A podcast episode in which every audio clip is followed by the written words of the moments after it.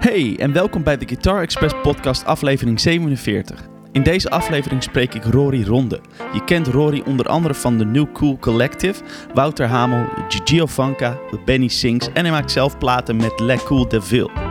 Rory's waanzinnig herkenbare sound en onnavolgbare skills op het gebied van de gitaar, de productie en het schrijven van songs hebben hem al menig keer de wereldbol doen exploreren. En hij heeft gespeeld voor en gewerkt met de toonaangevende Nederlandse artiesten in de jazz crossover tak van onze muziekscene. We komen te weten hoe Rory als jonge jongen zijn ervaring op heeft gedaan, hoe hij de muziekscene is ingerold, waar hij zijn invloeden vandaan heeft en hij vertelt over de keuze om zijn kantoorbaan op te zeggen en volledig voor de muziek te gaan. Ook vertelt hij over zijn mooie gitaarcollectie en toffe pedalen. Voordat de podcast begint, eerst nog even dit. Ik vind het heel leuk om reacties te ontvangen van jou, de luisteraar e-mails of DM's op Instagram en Facebook. Heb je nou iets te melden, een verzoek, een tip of een top? Of wil je gewoon even hoi zeggen? Schroom niet om het te contacten. Als je de Guitar Express podcast googelt, kom je zo waar je wezen moet. Vergeet ook niet om even een leuk reviewtje achter te laten op Apple Podcasts. Ik zal er eens even eentje voorlezen. De titel is Voor en door Gitaarfreaks interessante, frisse podcast waarin de crème de la crème van de Nederlandse gitaarscene voorbij komt. Ideaal dat de interviewer ook een serieus gitarist is, want hij vraagt naar alle goede details. Echt te gek. Dit soort reviews helpen ons heel erg om de podcast onder de aandacht te brengen van meerdere mensen en zo dus meer luisteraars te krijgen. Dat geeft mij weer de gelegenheid om het uitbrengen van podcasts op regelmatige basis te blijven doen. Dank voor het intunen op de Guitar Express podcast en heel veel plezier met Rory Ronde.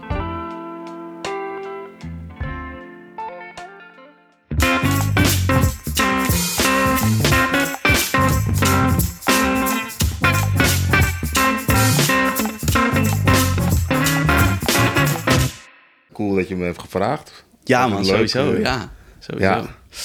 Dus uh, wat mijn eerste vraag is... Uh, Ehm, dat is, dat is uh, wat was je eerste band? Oh, mijn eerste band. Ja, dat is een leuke. Dat was eigenlijk de band van mijn vader. Ja. En uh, mijn vader is ook muzikant. En die was eigenlijk een van de eerste Surinaamse muzikanten in Nederland. En die bracht bij hem wat het interessante was, is dat hij uh, was gefascineerd geraakt door de steeldrum. Toen hij nog heeft een tijdje in Brits-Guyana, dat is het buurland van Suriname, heeft hij gewoond. En daar was een bepaalde invloed ook van Trinidad. En de steel drum kwam daar vandaan. En dat had hij ontdekt. Vlak voordat hij naar Nederland kwam, eind 60 jaren, toen uh, heeft hij uh, dat opgepikt. En heeft hij samen met een aantal andere mensen, hebben ze eigenlijk de steel drum geïntroduceerd in Nederland. En Duitsland zelf. Dus eigenlijk is hij echt een pionier. En uh, in die tijd waar mensen daar helemaal wild van, van de Caribische muziek en ja, al die tropische sferen. Dus hij uh, heeft daar veel mee gespeeld. Nou ja, en toen, uh, ik, ik ben eind uh, ja, jaren zeventig geboren.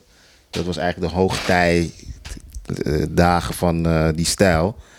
Dus op een gegeven moment, ja, je krijgt gewoon al die muziek mee. Mm. En mijn eerste gitaarslagjes leerde ik van mijn pa. En op een gegeven moment was ik denk 14. Toen zei hij even leuk om een keer mee te gaan spelen. En toen oh, uh, ja, heb ik voor het eerst. En toen ging dat zo lekker dat hij zoiets had. Misschien moet jij gewoon gitaar gaan spelen in de band. Oh. Dus mijn eerste bandervaring is, is, is, met mijn vader in zijn band. En toen de tijd was het ook zo. Het hing maar net ervan af hoeveel zo'n optreden betaalde, hoeveel mensen er ja, werden. Ja, ja, dus wat er af en toe gebeurde is dat er maar genoeg geld was voor twee of drie man. Dus ik heb ook heel vaak met de vaders, met, met z'n tweeën of met z'n drieën.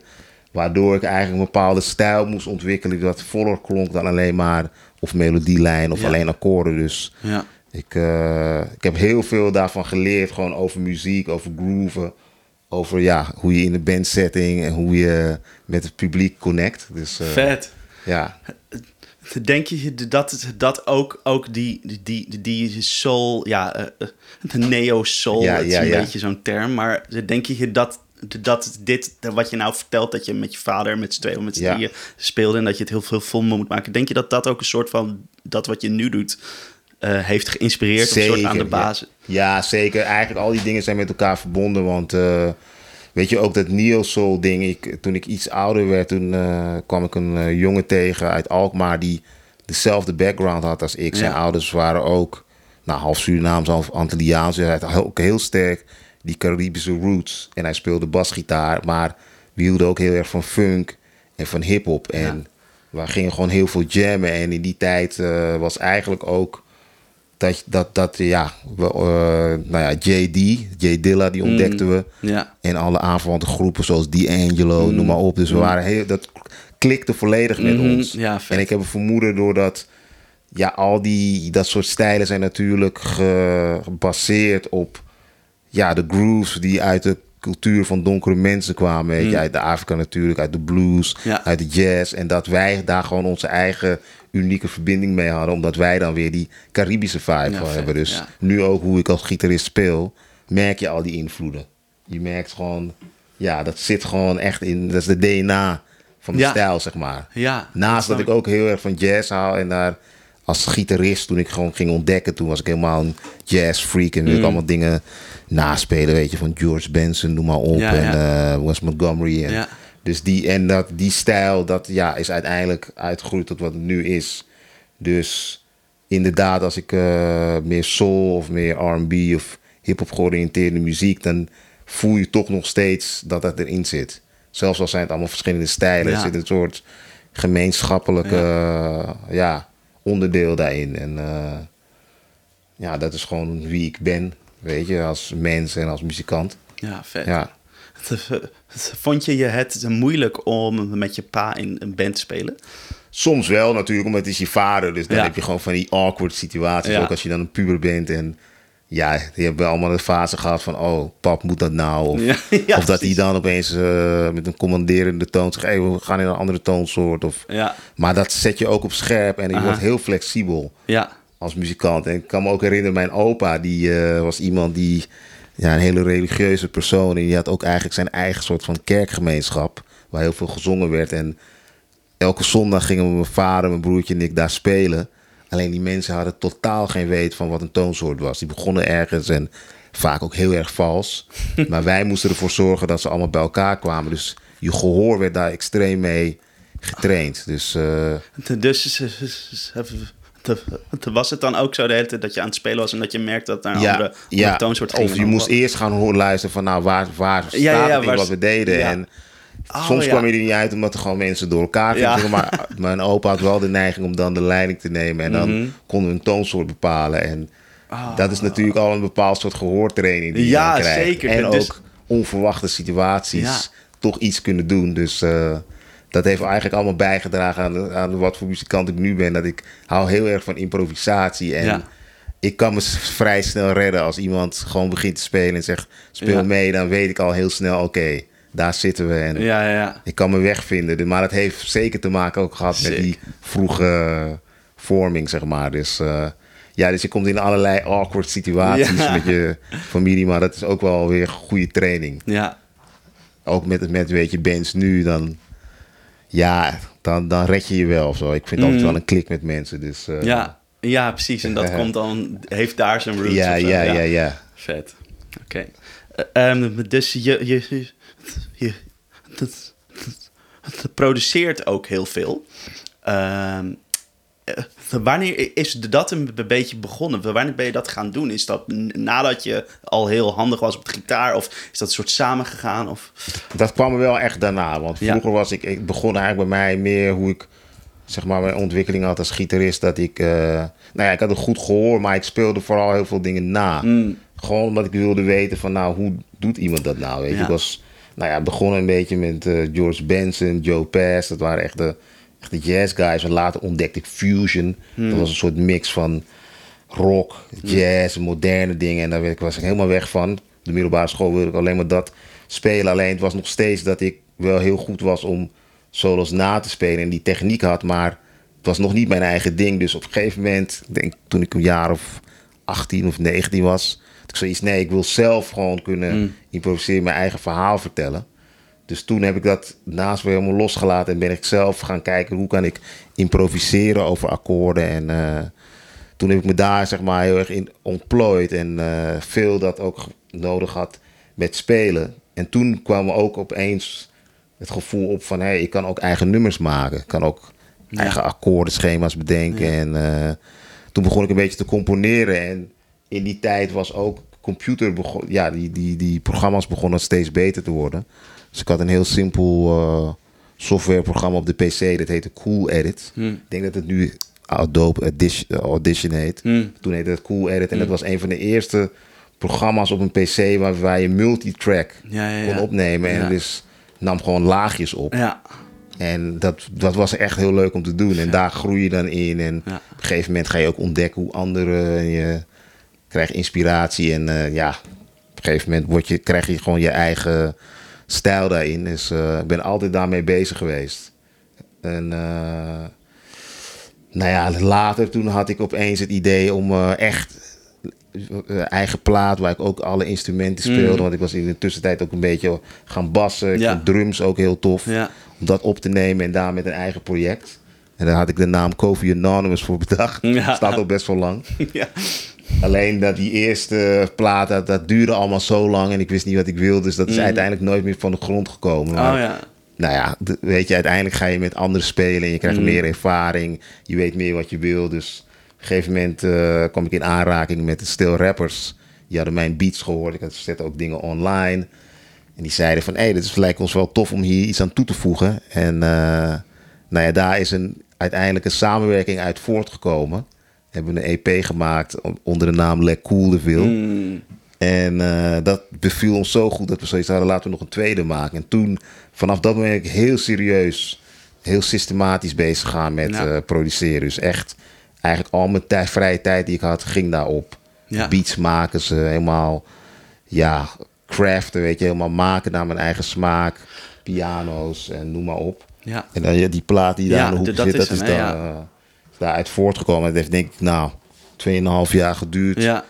om te maken. Ik heb eigenlijk alles zelf gedaan. Ja, weet je, vet, eh, ja. Dus, eh, dat- Ehm, eh, dus dat album heb ik, heb ik er net toen ik in de auto hier Ja. reed even geluisterd. En ik vond hem eer- A sowieso heel sick. Maar eh, eh, B, wat me dus opviel, is dat er eigenlijk vrij weinig gitaar op staat. Ja, Klopt dat? grappig, ja, Ja, dat Het is er wel, maar het veel is- het is- synthesizer. en, ja, heel veel- Ja, ja, gewoon beats of Ja, zo. heel veel beats. De gitaar, ik bedoel, het is er wel. Ja, Want als je goed naar die plaat luistert, hoor je allemaal kleine verborgen laagjes. Maar het is niet een plaat van een gitarist. nee, nee, precies. Weet dat, je, er zit één, eh, denk ik, echte gitaarsolo in die best wel jazzy, waar je echt Rory Ronde, de gitarist, ja, hoort. ja, Dat is een nummer die ik samen heb gemaakt met eh, Roos Jonker, echt heel tof. ja, Daar hoor je dan de jazzy licks en dan ga Ja. ik alle kanten op. Maar verder is het eigenlijk heel breed en is de gitaar niet het meest centrale instrument. Maar dat is ook omdat hoe ik eigenlijk als muzikant ook ben. Kijk, gitaar is gewoon wat ik als eerste heb opgepikt en daar heb ik de meeste skills in. Mhm. Ja. Veel meer dan een piano. Ik, ben helemaal ik kan eigenlijk helemaal niet goed piano Mhm. spelen, maar ik hoor in mijn hoofd hoor ik niet per se alleen maar gitaar. Nee. Ik hoor ook blazers. Ja. ik hoor ook piano. Dus ik denk niet echt als een gitarist wat dat betreft. Ja. En dat hoor je ook bij deze plaat. Dat ja. het is Zeker. niet een soort gitaar georiënteerd ding. Het is echt veel meer vanuit de, nou ja, wat je in de, de hip-hop hoort. Weet je, beatwise, de bassen, veel synths ook. Ja. Ik hou heel erg van synthesizers.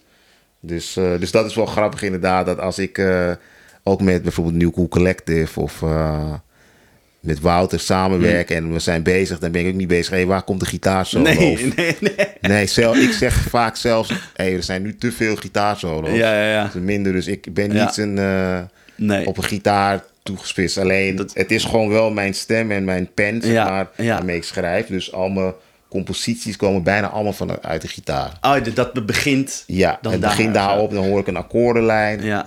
En dan ga ik het uitwerken. Ja, maar, maar, maar de, dan, de, de, de- dan gebruik je het misschien meer als een soort tool om eerst een soort van Ja. de, de, eh, de, de bones, weet ja, je wel? Ja, precies.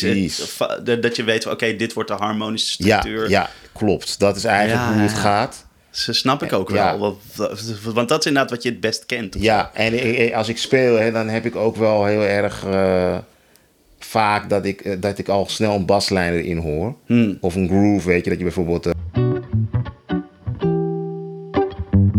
hoor, ik hoor de basbeweging er ook in. Ja, dus ja. soms neem ik dan zo'n schets op en dan ga ik dat ja, uitbesteden als het ware naar Ja. een echte bas. Ja, Misschien laat ik bepaalde akkoorden.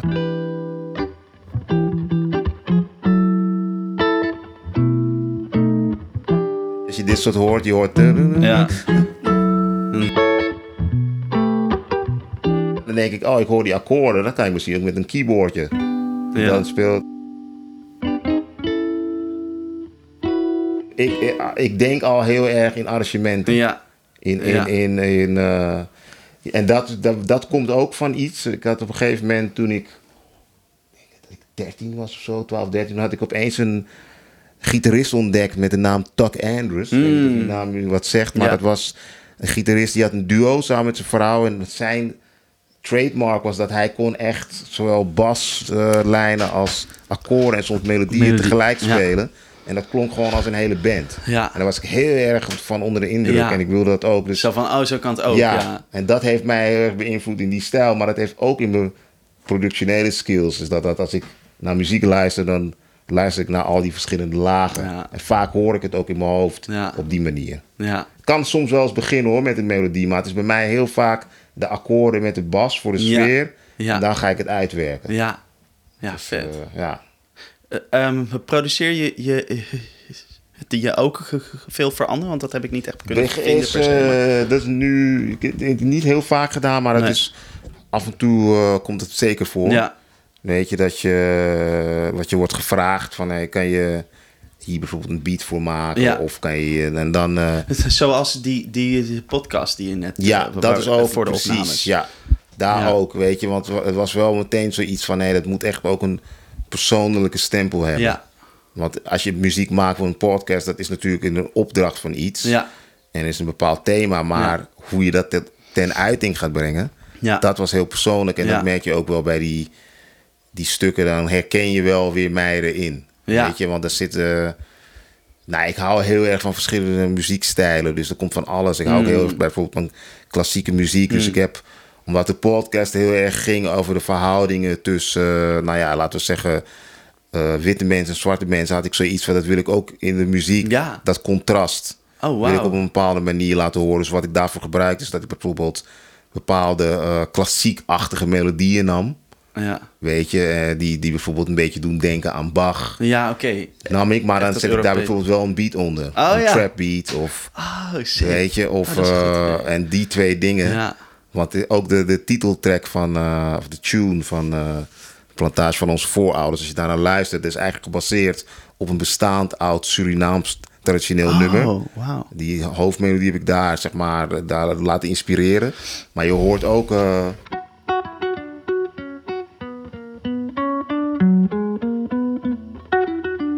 dat soort dingen. Ja. Terwijl je ook weer Ja. het slagje hoort. Dus Van die soort zo probeer ik die twee werelden met. Mm. elkaar te verenigen. Dus dat was een, ja, een, een stijlmiddel die ik veel heb gebruikt. Bepaalde klassieke vibes, maar dan juist een hip-hop beat. Ja, met- of een met die bepaalde gebruik van samples Ja. of synthesizers. Dus dat soort dingen vind ik heel leuk om te doen. Dus het is tof zeg om Ja. dat zo... ehm, dat is het thema zo Ja. eh, te, te naar voren te laten komen in ja, de muziek. Ja, dus Echt dat je mooi. af en toe, als we dan inzoomen op eh, naar Suriname, dan zal de muziek iets meer van die traditie Mhm. hebben.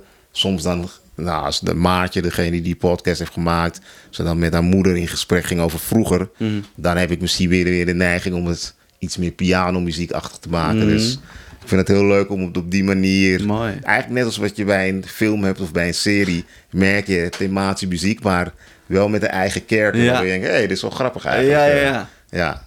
Super Dus, eh, vet, super vet. Ja, dat was heel leuk om te doen. Ja. Cool.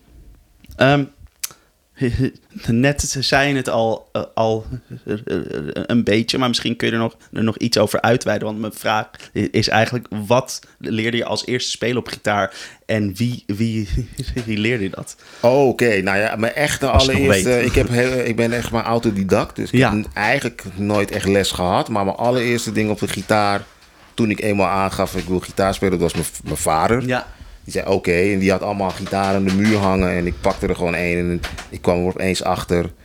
Hé, hey, ik kan vader Jacob gewoon spelen in mijn eentje. Dat ging gewoon opeens. oh, Dus- oh, dat wist je, of dat ik, lukte ik, gewoon? ik hoorde het en ik ging zoeken tot ik het vond. ah, op één snaar. Dus Ja. toen eh, had hij zoiets, oh ja, oké, het muzikaal Ja, talent is er wel. ja. Dus dan ga ik je wel wat dingen leren. Dus toen Ja. leerde hij me eerst een, een loopje, gewoon eh, een beetje toonladderachtig iets. En dan moest ik bijvoorbeeld zoiets als dit doen.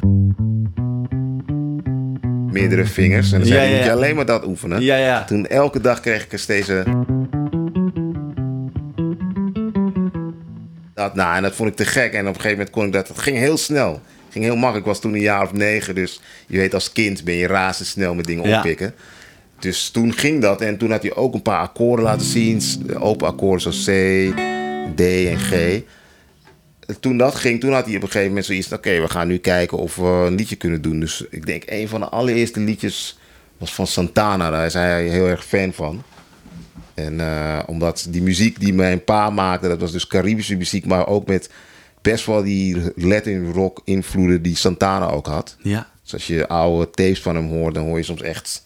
Ja, de gitarist die was helemaal Santana freak. Wauw. Een eh, Nederlands gitarist met de naam Victor van Kampen. Die, hij- je kan hem ook op eh, YouTube vinden. Hele toffe jazzy dingen doet Ja. hij ook. Gekke gitarist, maar die was toen helemaal... Die had helemaal die Santana vibe. En, Ja. eh, dus mijn vader was daar ook fan van. Dus ik moest... mijn allereerste liedje was volgens mij deze. Ik heb hem laatst ook weer gebeld. Dat dit heet Samba Pati. Pati. Nou, en dat was dan echt alleen maar de melodie.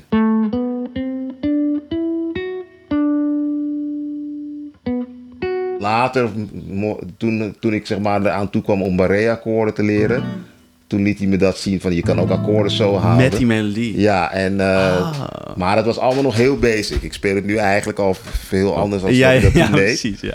Maar dat is echt een van mijn eerste liedjes en zo begon het. En eh, ja, Never ja. looked back. Ja, precies. Weet je, en eh, ja, het is gewoon leuk. Dus, dus, en het grappige is, als ik soms af en toe naar solo's die ik speel, vooral bij New Cool Collective, bepaalde dingen, dan merk ik ook, oh ja, er zit toch wel stiekem die Santana ja, invloed in. precies. Ja.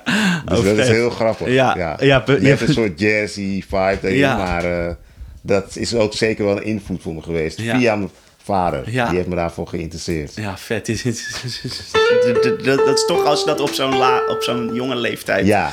leert, dat, gaat, dat Ja, zit je- in je- je DNA. gewoon. Ja, en je, je zuigt op als een soort Ja, spons, weet je. Alles wat je hoort, pak je op en je vindt het allemaal wauw. Mm. Het maakt zoveel indruk op je, dus, eh, dus dat is heel leuk. Ja, Vet, ja, echt zo vet. En eh, we- eh, wat ik me, me- me- me eigenlijk ook afvroeg is, je bent eh, eh, op een gegeven moment dus helemaal die jazz ingedoken. Ja. En meestal eh, heb je dat mensen dat eigenlijk leren op een conservatorium Ja, of zo. ja. Maar, maar, maar, jij hebt dat eigenlijk ja, op straat, ja niet op straat, ja, maar gewoon ehm, zelf, hoe, dat is de, de vraag eigenlijk, hoe, hoe heb je die taal geleerd? Ja, nou ja, dat was inderdaad in het begin echt naspelen. En weet je, joh, nou ja, mijn vader liet me een eh, tv-opname zien toen van North Sea, waar dus George Benson speelde met eh, Earl Klug. En ik had zo, wow, Ja, wat ja. is dit? Dit wil ik kunnen. Ik zag Ja. iemand die helemaal los ging op die gitaar, het kon groovy en ik was gewoon verkocht. Ah, dus vet, toen had ja. hij, nou, ik heb ook platen van hem en... eh, toen ben ik dat gaan luisteren en proberen echt dingen na te spelen. En dat gaat natuurlijk met heel veel vallen en opstaan. En ik begreep toen nog niet wat ik deed. Ik kon het met mijn gehoor naspelen. Ik had die techniek op een gegeven moment ook. Wat al best wel een prestatie was. Maar ik had nog helemaal geen idee van wat doe ik eigenlijk. Ja, En dat ja.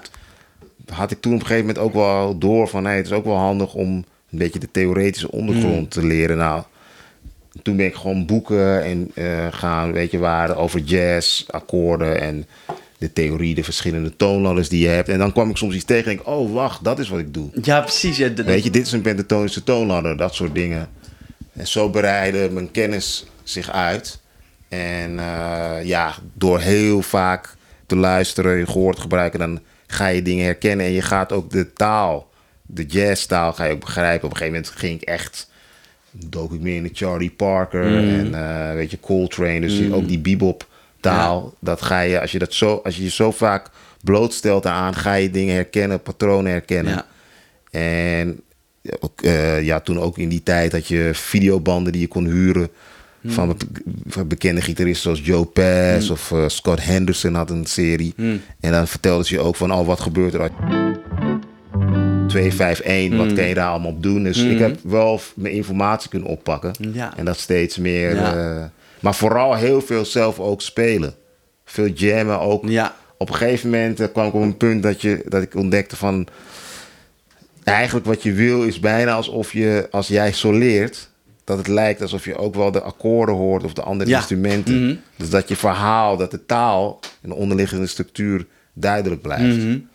En in jazz is dat natuurlijk ook een soort streven. Als je een goede ja, pianist of saxofonist die eh, alleen maar eh, single note speelt, merk je toch dat je de akkoorden Klopt, hoort. ja. Puur door hoe die noten zich notes, met ja. elkaar Ja. verbinden. Dus dat, Ja. ja, daar ben ik al jaren. En dat is een studie waar je eigenlijk ook nooit echt klaar mee bent. Het breidt zich uit en je gaat daar allerlei lagen in ontdekken. En eh, spanning, maar ook je eigen verhaal vertellen. Ja. Weet je, hoe herkent iemand je daaraan? En als je dan ook live gaat spelen en je gaat solo's spelen, dan op een gegeven moment merk je dat je daarin groeit. Dus eh, ja, op die manier ben ik, ja, ben ik daarin eh, gaan verdiepen. En wat grappig was, ik heb dus eh, toen ik nou, van de middelbare school afkwam, twijfelde ik nog, zou ik conservatorium gaan doen. Hmm. Uiteindelijk niet gedaan om verschillende redenen. Maar bepaalde vrienden van mij, die zijn wel conservatorium gaan doen. Dus zij nodigen me af en toe ook wel eens uit naar workshops van ja, toffe gitaristen uit Ja. de scene. En, Ja. Dus ik pikte af en toe wel eens wat mee. Ja, vet. En eh, ja, ook via die jongens zelf. En het grappige is, de meeste muzikanten waar ik nu mee speel, dat zijn meestal mensen die conservatorium Ja, hebben gedaan. klopt. Ja, de meeste mensen in Nederland. Ja, ja, weet je zeker als, de, als het wat meer jazzy ondergrond Ja. heeft, progressiever is, dan zijn het vaak mensen die conservatorium hebben gedaan. Dus uiteindelijk verbind je je toch wel met die scene. Ja, dus dat is heel klopt. grappig. Maar ik ben er op een andere, Andere manier, ja. ingekomen. Ja. Kijk, en aan bepaalde dingen merk je dat ook wel. Dus dat ik kan bijvoorbeeld niet goed eh, muziek lezen of schrijven. Mm. Als iemand een blad noten, dan kan ik, ik, ik... Het is niet dat ik er helemaal niks van weet, Nee. maar ik kan het niet op Niet dat zich je in één zo, keer eh, zo- nee. nee. ik moet het echt gaan onderzoeken. Terwijl op mijn gehoor doe ik het zo. Ja, ja. ja, en hetzelfde ja, is ook met het schrijven van... Ik, dan hoor ik een melodie en dan kan ik het voorspelen. Maar ik, het zou natuurlijk heel handig zijn als je dat dan even opschrijft. Ja, Maar dat heb ik nooit... Ik heb het nooit echt gestudeerd op die manier, weet je. Dus dat zou ik dan gewoon echt nog even goed moeten oefenen. Maar ik snap wel de theoretische ondergrond van jazz. En Mm. ik, ik, eh, de akkoorden. Weet je, ook dingen als stemvoering en zo. Ja. Daar heb ik gewoon wel Ja. echt onderzoek naar gedaan. Ja. Op mijn eigen manier. Dus eh, ja, op die manier dus eigenlijk. Ja, vet. Eh, Weet je nog dat je op een ge- ge- gegeven moment misschien zoiets had van... oh, nu heb ik mijn eigen stem gevonden op dat instrument? Of, of, eh, of, of ben je nog steeds... Ja, waarschijnlijk, want dat is ook zo'n zoektocht of zo. Maar eh, ja, wanneer had je zoiets van... oh ja, dit is wel echt van mij of zo? Ja, dat nou, nou ja, tuurlijk door die Caribische achtergrond merk je al wel dat Oh, je ja. al snel. eh, eh, eh, dat is wel toch iets unieks, merk Ja, je. Want ja. als ik veel gitaristen zie, weet je, heel veel mensen hebben natuurlijk rock, funk, Mm. blues, die ondergrond. Ja, Maar de Caribische is, dat zijn wel gitaristen die zijn, maar die waren toch al vaak van een wat eerdere generatie Ja. dan ik.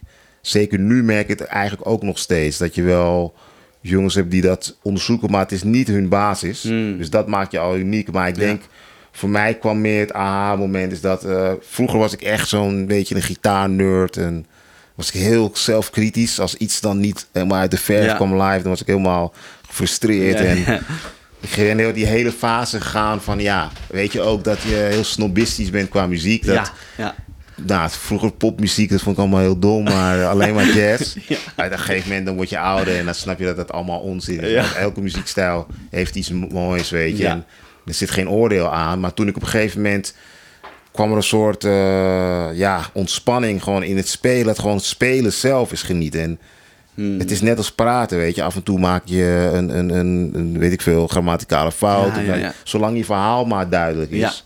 En dat je er ook van geniet. En dan, toen begon ik ook te merken van... oh ja, toen begon ik ook meer in mijn eigen flavor als gitarist te komen. En Dus Ja. dat is gewoon iets van... De, ik kan niet echt zeggen het moment van toen wist ik het. Nee. Ik kan niet een datum noemen Nee, of zo, nee. een dag. Maar laten we zeggen, de, de, nou, ik ben fulltime muzikant denk ik sinds 2007. Ja. Toen, eh, want voor die tijd deed ik ook nog allerlei hele vervelende kantoorbaantjes, Ja. noem maar op. En in het weekend spelen. Maar op een gegeven moment ben ik er gewoon mee gestopt en voel de muziek. Maar toen begon dat ook te komen. Dat ik merkte, hé, het is gewoon lekker om muziek te maken. En, Hmm. Ja. eh, weet je, dus... eh, en, en ik ben daar ook heel erg mee bezig. Dat ik wil gewoon via mijn gitaar mezelf eh, uiten. Weet je, Hmm. het is een vorm van zelfexpressie. En dan gaat het dus ook helemaal om eerlijk jezelf te zijn. Dus het maakt niet uit wat er misgaat of wat je. Dat, dat is gewoon allemaal onderdeel van wie jij bent. En tuurlijk heb je soms momenten dat je echt een melodie die geschreven is, Ja. technisch goed wil uitvoeren, dat het niet lukt, dat het onhandig is. Ja. Dan moet je gewoon oefenen. Ja. Maar vooral op het gebied van improvisatie vertel je gewoon je eigen verhaal. En dan weet ik, ja, ik weet wie ik ben. Weet je, dus. eh, Mooi. Ja. dat is heel lekker eigenlijk. Ja. Dat je Ja, dat hebt. En ik kan Dat- dan ook echt genieten zelfs van een eigen solo. Want dat was vroeger ook, ik kon niet aan of Nee, oh, nee, ik ga oh. daar mis. Oh. Ja. Ik zat alleen maar op de kritische punten. Ja. Nu heb ik meer hé, hey, dit is wel grappig wat je daar deed. ja, Of- ja. En dat, dat is denk ik een ding wat niet heel veel mensen hebben. Zeker niet uit de conservatorium wat je daar op een bepaalde manier heel goed wordt geleerd om heel analytisch en heel Mhm. kritisch. Mm. Maar gewoon muziek maken als een vorm van expressie. Ja. Ja. En dat je daarvan van kan genieten om het te doen en naar anderen kan luisteren. Dat is ook heel belangrijk. Ja. En daar ben ik wel heel blij om dat ik dat heb. Ja.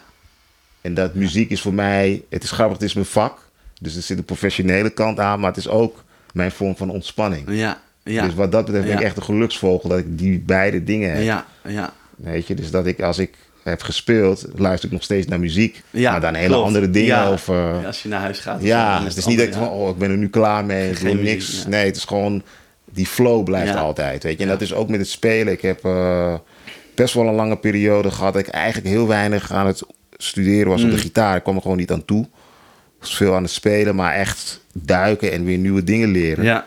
Dat was even stilgevallen. Nou, nu is er weer een fase dat dat weer kan. Vet. En zo heb je elke keer weer een andere gaat ook in manier een soort, ja, ja. om te relaten ook met je gitaar of Mm. met je instrumenten en eh, Ja. de ontdekkingstocht doen. Dus ja, ik ben heel blij dat ik muzikant ben. Fijn. Ja. Ja. ja. maar dat is ook echt mooi. Ja, wa- wat wij net, net, net al over had eigenlijk, is Ja. dat je een soort, ehm, soort eh, eh, ja, het op een gegeven moment echt een keuze hebt gemaakt van, oké, ik Ja. doe nu, nu, nu, nu dit werk op het kantoor. Ja. Ik ben er helemaal klaar mee. Eh, Ja. Ik wil toch echt gaan voor die muziek. En mijn- vraag was, waar ik benieuwd naar was, is... ehm, had je al wel een soort van idee van... oh ja, dan kan ik met die en die gaan spelen... en dan, dan kan ik misschien ergens beginnen? Of was het gewoon echt helemaal koud van... oké, ik eh, ben nu, nu eh, een baan kwijt... Ja. maar nu moet ik dus eh, iets gaan doen. Oké, shit, wat nu? Of zo. Hoe is dat gegaan? Ja, het was een beetje apart. hoe, het kwam eigenlijk allemaal net op de juiste manier samen. En Oh, ik denk ja. ook, weet je, een, een deel van het leven is ook gewoon geluk soms Ja, dat de timing van dingen net goed viel. Maar het probleem was eigenlijk, ik had niet echt meer zo'n keuze, omdat ik was zo eh, ongelukkig Mm. van wat ik deed. Mm. En dat was gewoon niet goed, want dat beïnvloedde ook mijn inspiratie als muzikant. Dat kon gewoon dus niet ik meer moest, doorgaan. ik had meer zoiets, nou ja, al- misschien lukt het niet en moet je dan weer iets nieuws gaan vinden, maar probeer het tenminste.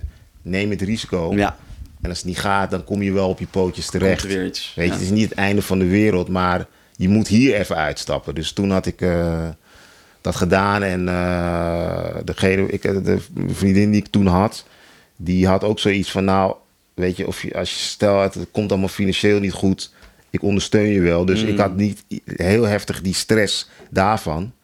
En omdat ik al wel aan, eh, met toffe bands speelde, die ook zoiets hadden van, hey, kun je ook een keer dan? Of want ik kon dan eigenlijk alleen maar in het weekend. Ja. En dat was planningswise altijd een gedoe. Ja, Dus ik had al wel speelmogelijkheden, maar het grappige was dat rond dat moment, toen eh, kwam in aanraking met Wouter Hamel en die had net zijn eerste plaat, hadden we ingespeeld. En dat werd op een of andere manier zo goed opgepikt. Het kon nog opeens overal spelen, Ja, dus ja. het ging als een soort oh ja.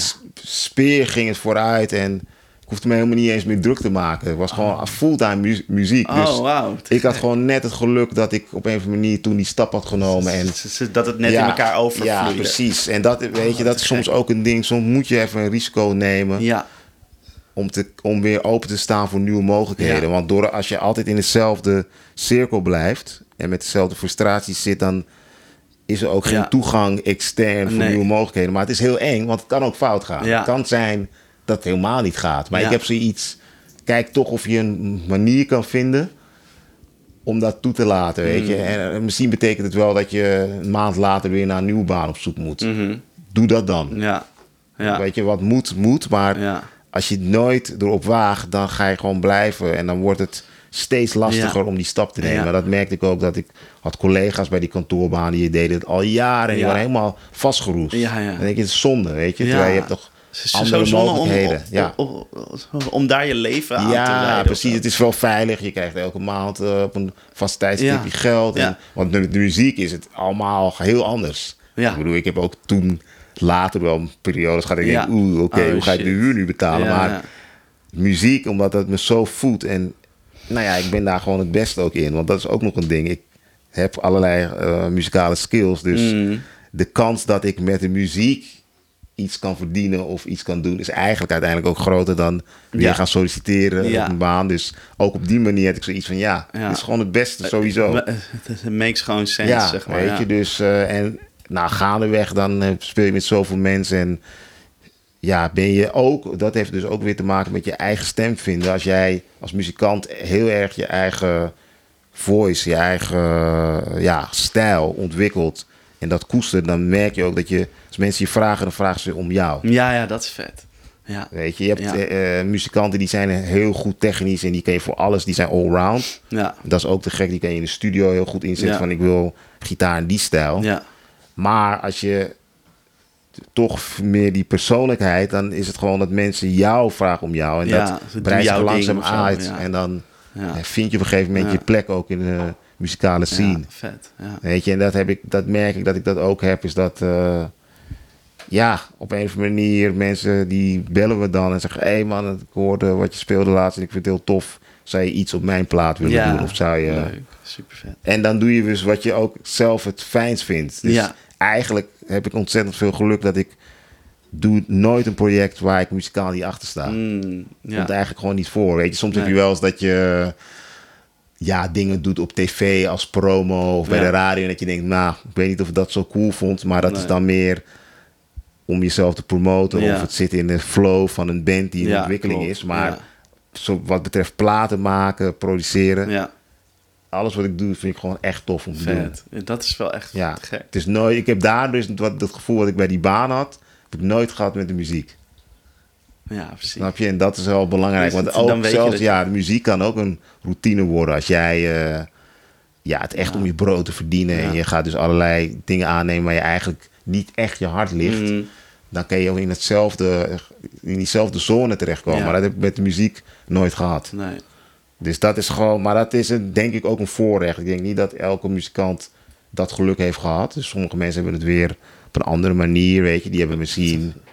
Ja, maar, maar de, de, de, dat is of, of een voorrecht, of je hebt gewoon, gewoon die ballen gehad om die keuze te maken. Dus het, heb je het is een combinatie hè, van dat je wel die stap durft te nemen en uh, echt veel met muziek bezig zijn. En ja, dan op een gegeven moment gaan dingen wel op hun plek vallen. Ja. ja. Cool, echt vet. Echt vet. Hoe ben je bij Wouter Hamel, uh, ja, te, um, weet je, met hem te komen spelen eigenlijk? Hoe heb je hem ontmoet? Nou, we, we hadden op een gegeven moment, ik, ik, speelde in de band van Benny Sings. Benny Sings is een uh, hele te gekke producer, songwriter, zanger. En uh, die was, ik was geïntroduceerd via iemand die ik op een jam sessie had leren kennen. Die had ook zijn eigen label. Dat label heet Docs Records. Ja. En uh, toen zei hij, hey, misschien vind je het leuk om met Benny te spelen. Die heeft net een nieuwe plaat gemaakt. En die wil eigenlijk ook een gitarist erbij. Nou, dat was gelijk een klik. Dat was gelijk heel tof. En met hem, met Benny heb ik echt ook hele toffe tijd. Hij heeft mij ook heel erg geïnspireerd met het produceren. Want hij was ook iemand die in Cool Edit werkte. En hij was er heel goed in. En die dingen die hij maakte, ik had zoiets oh man, hij is er zo. En dat, inspireerde ook mijn mm. productie, uh, ja, passie die toen ontstond. En op een gegeven moment ging Benny ook voor andere uh, platen produceren. Waaronder Jovanka en ook Wouter Hamel mm, dus. ja. En toen was ik uh, op, die, op zijn plaat, zijn eerste plaat, wat gitaarpartijen ingespeeld. En uh, nou, op een gegeven moment kwam er een, hadden we een avond in de Sugar Factory. Dat was een club in Amsterdam. Mm. Waar dan eigenlijk allemaal mensen die op het label waren, die konden dan een nummer spelen. En dan wisselden ook eigenlijk muzikanten van de bands oh, uit en gingen samen, stond je samen op het podium. Dat noemden we dan Doc's Family. Ja, vet. we Jovanka, we hadden Benny, we hadden Wout, we hadden nog andere mensen. Het was heel gezellig, heel leuk. Zo hebben we elkaar leren kennen. Op een gegeven moment had ik een gastsolo bij Wouter en dat beviel kennelijk zo goed dat ze zoiets hadden, hey, wil je niet vaker meekomen? ja, ja, ja. Dus toen heb ik een paar keer meegespeeld. En toen hadden ze in de band zoiets van, ja, maar we moeten gewoon standaard gitaar erbij. Ja. Niet alleen af en toe, maar... Nee. eh, en toen vroegen ze me en toen ben ik bij de band gekomen. En eh, nou ja, de, rest is history. Dan moest je daar nog een soort van, ehm, ja, toch wel een beetje anders in. Weet je, je zegt eigenlijk dat je altijd jezelf kunt zijn, maar moest je nog op een andere manier aanpassen of zo, muzikaal? Zeker, ja, daar Ja. heb ik even van dat spelen met Wout heb ik zo extreem veel geleerd. Dat Oh, heeft ja? ook weer bijgedragen aan hoe ik als muzikant ben geworden. Wat- Wat, eh, wat hij, eh, kijk, het waren echt songs Ja, met eh, vaste structuren, maar er werd ook in geïmproviseerd. En we moesten er ook bij zingen, want er waren heel veel Hmm. Oh, ja. vocale lagen. En op een plaat aan deed meester Wouter alle eh, vocale laagjes zelf. Maar live, ja, hoe ga je dat nadoen? Dus toen werden we Ja, ook een beetje backings. gedwongen van... hé, hey, eh, we moeten gaan zingen, maar we waren er allemaal niet zo goed in. Mm. Of hadden ze iets, ja, ik ben een gitarist of ik ben een drummer... Ja, en precies. zang, nam je niet helemaal serieus. Dus dat is een, wel een proces geweest, echt van jaren eigenlijk. Maar Mm. uiteindelijk zijn we daar heel goed in geworden met samenzang. vet. Wat, En vet. eh, dan leer je ook op alle andere manieren weer in contact staan met je instrument. Ja. Omdat je, je hebt opeens een partij die je bij moet doen. En Mm. veel meer songwriting-wise kijken ook naar waar kan een bepaalde weet je, akkoordenlijn, waar speel je de melodie, Ja. waar neem je soms wat gas terug, ja. waar ben je erbij. Dus, dus ook eigenlijk een heel eh, ja, leerrijke proces geweest. ja. En op een gegeven moment is het ook leuk geweest met Wouter dat eh, wij als bandleden ook ons. Ja, hij schreef normaal alle nummers in zijn eentje. En nu, de, nou, de afgelopen paar platen zijn ook bepaalde bandleden, waaronder ik zelf, die ook nummers hebben bijgedragen. Vet. Of mee hebben geschreven of in het productieproces Ja, hebben meegedaan. Dus, Oh, dat eh, dus dat is heel tof. ja. Dus ja, weet je, en wat ook vaak zo was, omdat wij. We hebben op een of andere manier succes behaald in eh, Japan en Korea, waardoor we elk jaar al konden spelen.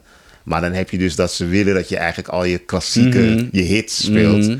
Maar om het interessant te houden, ga je dan toch iets doen met die nummers. Je Ja. gaat ze niet letterlijk altijd hetzelfde Nee, spelen zoals op de plaat. Ja, Dus dan komen we weer bij elkaar van hoe kunnen we het, in wat voor jasje kunnen we het nu Mhm. spelen. Dus daarin dat ook, ook, ook, ook creatief. Ja. creatief denken. En dus misschien speel ik wel opeens iets op een heel andere gitaar. Op een Ja. gitaar. Of we Ja. hebben een keer een, een theatertour gehad... waar we allemaal van die mini-gitaartjes hadden. Of Oh ja. andere instrumenten. Dus Tof. ja, dus Ja, dat leuk. is heel tof. Een heel tof proces geweest, ja. Vet. ja. Ehm, eh, ehm, hoe, hoe ben je be- be- bij nieuw, de New Cool Collective gekomen? Eh, nou, op een gegeven moment hadden we met Wouter hadden we een plaat waar Benjamin Herman te gast was. Dus dat was eigenlijk onze tweede album, dat Nobody's Tune. En dan hadden we een, een aantal nummers. Ook mijn vader deed ook mee trouwens op Steel Ja? Dus dat is heel leuk. Er is één vet. nummer daaruit voortgekomen met zijn artiestennaam. Welke is dat? Welk, Dat- welk nummer? Dat heet Sir Henry en dat is eigenlijk ook zijn artiestennaam. oh. Vroeger had je in de Caribische muziek, in de calypso... een artiest had dan altijd een, een soort aanduiding. Sir of Ja. En hij, nou ja, hij dan Sir Henry. Dus we hadden het nummer gewoon vernoemd naar hem. En dat zit een steel drum solo in. En we spelen dat nummer nu nog steeds. Oh, wat geweldig. Dus dat is heel grappig. Maar we hadden ook Benjamin te gast. Benjamin Herman, Ja. eh, saxofonist. En live deed hij ook mee. En toen hadden we één nummer waar eigenlijk op een gegeven moment het idee hadden... misschien moet er een soort battle komen tussen aanhalingstekens. Tussen de gitaar en de sax. Ja. Dus dan hadden we een break en dan haalde Benjamin uit... en dan ging ik daarop reageren. Ja, of soms vet. andersom. Ja. Dus op die manier leren Benjamin en ik elkaar kennen. Ja. En op een gegeven moment kwam er een, een eh, oproep vanuit de New Cool Collective. Die zeiden, ja, we moeten spelen op de wereld draait door. Alleen Anton die kan niet. Zou jij willen invallen? Dus ik dacht, nou ja, cool. Kom uh, langs, dat lijkt me hartstikke leuk. Dus ik had het nummer ingestudeerd. En ik kwam daar en toen opeens, tijdens de, de soundcheck, zeiden die gasten... Ja, eh, een beetje gek dit, maar eigenlijk eh, willen we vragen of jij sowieso bij deze band wil komen spelen. Voel je daar wat voor? En ik had meteen zoiets, ja, ik voelde wat voor, want ik had een ontzettende klik met hun muziek. Ja. Want die invloeden die ik in mijn eigen stijl had, die kwamen daar ook in Mm. voor. En ja, je kon gewoon, je, bij New Cool kan je helemaal je ei kwijt, ook als, als instrumentalist. Weet je, omdat het toch voornamelijk instrumentale muziek is. Er wordt heel veel in geïmproviseerd, veel in gegrooved. Dus ik zag dat wel voor me. Het was natuurlijk ook wel de vraag, hoe ga je dat dan combineren met Wouter. En dat zijn dan altijd een beetje een soort van lastige Mhm, situatie, omdat vaak die optredens op dezelfde dag ja. vallen. Ja. Maar de wil was er meteen. Dus toen ben ik bij de band gekomen. En die eerste shows waren ook te gek. En daar groei je dan ook in. En Mhm. ga je ook meer je eigen plek. In het begin ben je toch wel wat meer ja, aan het aftasten. Ja. En moet je wennen aan iedereen. En al heel snel, eigenlijk met de, toen ik erbij kwam, hadden we een nieuwe plaat gemaakt. En daar was ik dan nog echt de gastgitarist. Mhm. Ik had nog geen invloed op de composities. Maar Mhm. de plaat daarna, dat was eh, Electric Monkey Mhm. Sessions toen kwam eigenlijk ook mijn compositorische kant en eh, als producer kwam heel erg aan bod. En dan hoor je dat ook aan de sound. Oké, dat echt anders Collective is. heeft echt een, mede ook door mijn aanwezigheid, echt weer een andere flavor gekregen. Omdat Vet. die, ja, die New Soul, die Caribische kant, die kwam opeens meer in beeld. En dus ben het ook steeds serieuzer gaan nemen, ook met echt de, songwriting kant ervan. Dus eh, en ik, nou, ik zat te denken laatst, volgens mij zit ik nu bijna tien jaar alweer bij de band. Oh, dus het is ook belachelijk hoe snel dat gaat. Het gaat hard. Zoveel met hun meegemaakt ook. Ja. Binnen en buitenland gespeeld. We hebben ook platen gemaakt, eh, ook eh, in samenwerking met andere artiesten. Ja. Dus eh, wat, dat heeft ons ook weer allerlei Ja. buitenlandse optredens gebracht. Ja. En, en we hebben nu net een nieuwe plaat af. Die ik ook heel, Oh ja. heel trots ook op ben. Vet. Het- heb ook- je daar weer veel voor bijgedragen? Ja, zeker. En wat, wat met die plaat was eigenlijk, is dat wij hebben de afgelopen paar platen, dus de Electric Monkey Sessions. We hebben er twee van. Het heet Electric Monkey Sessions 1 en 2. Hm. En we hebben daarna een plaat opgenomen met de naam Dansé, Dansé. En die zijn allemaal in, Ja, die heb ik geluisterd, ja. in de studio van eh, eh, Casper Frenkel. Dat heet Electric Monkey. Ja. Hele beroemde studio Die in is Amsterdam. nou weg, toch? Ja, dat is Ja. heel jammer. Die moest op een gegeven moment eh, ja, weg, omdat dat hele pand wordt gesloopt. Dat is Oh, heel dat gaat gewoon helemaal weg. tragisch, zeg maar. Ja. Is een te gekke studio. Ja. En hij is ook een hele goede engineer. Ja. En we hadden meteen een klik. Ja. Dat hoor je ook in die, in die platen. Want Ja. zijn trademark is eigenlijk... Hij kan heel goed eh, live opnemen. Dat je eigenlijk allemaal in dezelfde ruimte staat. En meteen die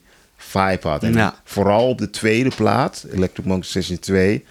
hadden we zoiets. We gaan proberen gewoon zoveel mogelijk zonder overdubs. Er staan wel een paar overdubs, maar het is heel weinig. Dus je hoort gewoon de band spelen, Spelen, zoals ja. het is. Dat is wel te gek, ja. Dus we hebben dan echt goed moeten instuderen. En eh, nou ja, soms doe je wel meerdere takes totdat je hem hebt. Ja. Dus dat maakt die platen eigenlijk heel bijzonder voor ons. Toen Dan C, Dan C, dat was een beetje een andere ding. Dat hadden we wel bij hem opgenomen, maar we hebben dat zelf gemixt. Mm. Dus Joost, onze drummer, heeft die plaat gemixt. Want toen hadden we zoiets, we willen even een andere sound. Ja, klopt. Dan, dan Meer is dat ook elektronisch en Ja. dat hoor je ook. Ja, de, ja. Meer synth zelfs hoor Ja. je erop. Andere riffjes. ja. Het is een heel andere sound, een hele andere Dat- richting.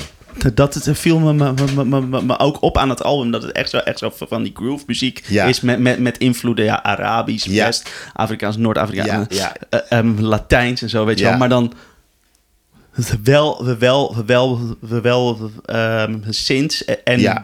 en de drumcomputer. Dus. Een soort 808 hoorde ik volgens mij of zo. 808's en Ja. eh, zit erin. En we hebben ons ook laten beïnvloeden door house ook. Ja, ja, precies. En toen dacht ik, oh ja, dat is wel tof. eh, dat is een nieuw element in die muziekstijl. Want dat proberen we met New Cool eigenlijk gewoon elk, onszelf uit te vinden. Want New. Cool als band bestaat al meer dan 25 jaar. Ja, Dus de vaste kern van die band is al zo lang bij elkaar. Dus ja, na een tijdje, dan, je- hoe hou je het interessant Ja. zo lang? Dus je probeert toch jezelf opnieuw uit te vinden. En de ene keer lukt dat heel goed, de andere keer wat minder. Maar we hadden bij die, bij die plaat we zoiets, we gaan het gewoon echt anders doen. Maar dan gaan we ook kijken. We hadden ook een beetje, we zetten eigenlijk altijd de grappen van...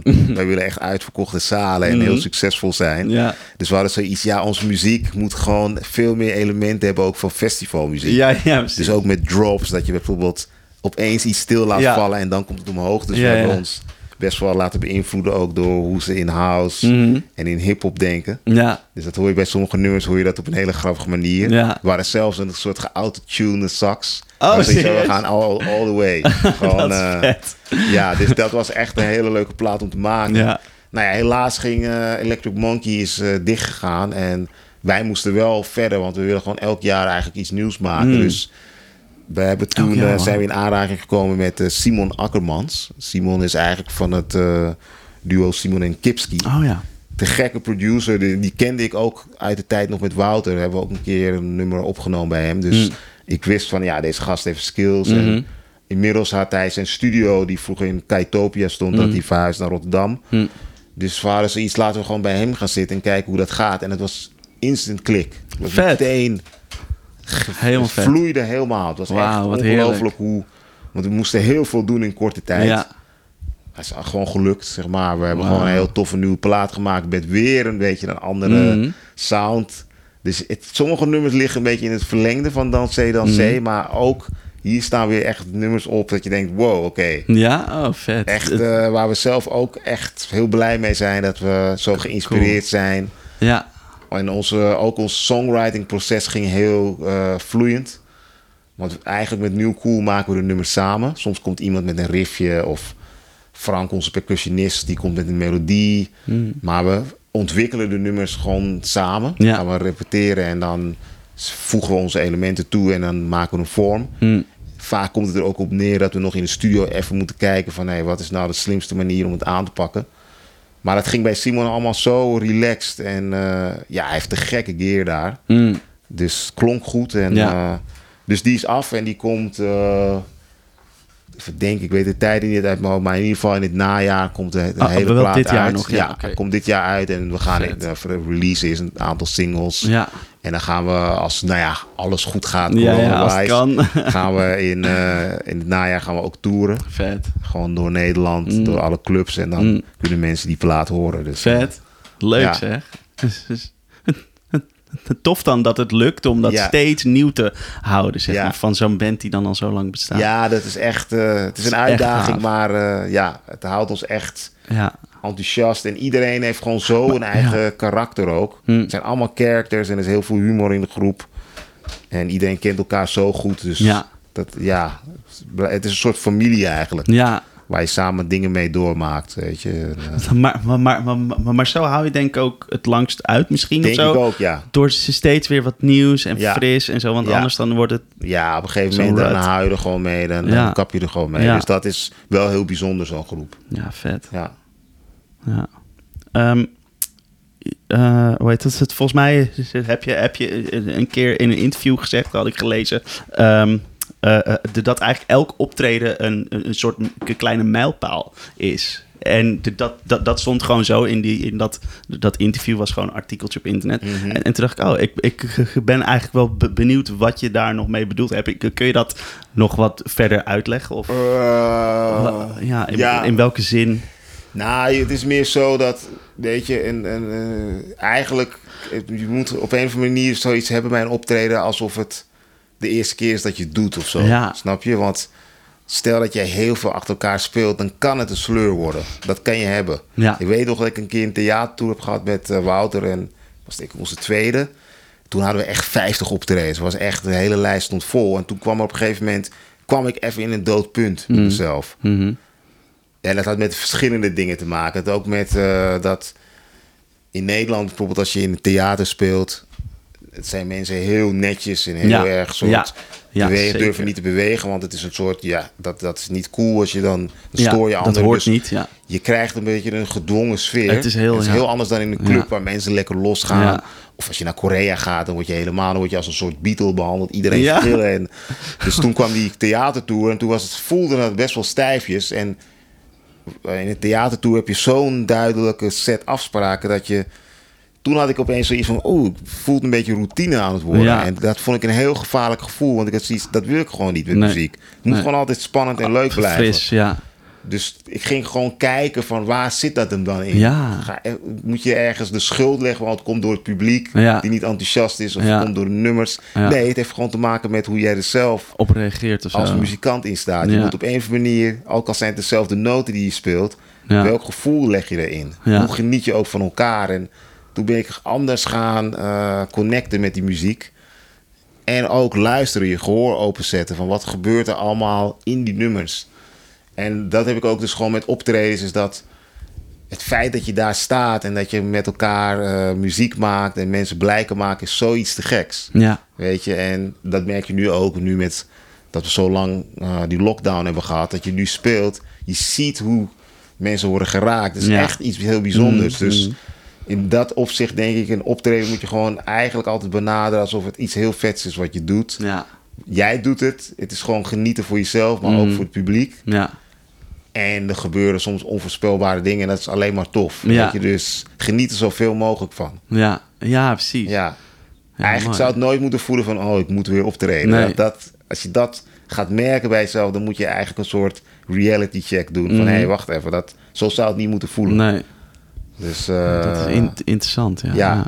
Maar soms kan het dus ontstaan doordat je, weet je, als je een, een periode hebt waar je veel succes hebt in je carrière en het wordt een lopende banding, Ja. dus je hebt bijvoorbeeld elke dag optredens, dan kan dat gevaar erin sluipen. Omdat Ja.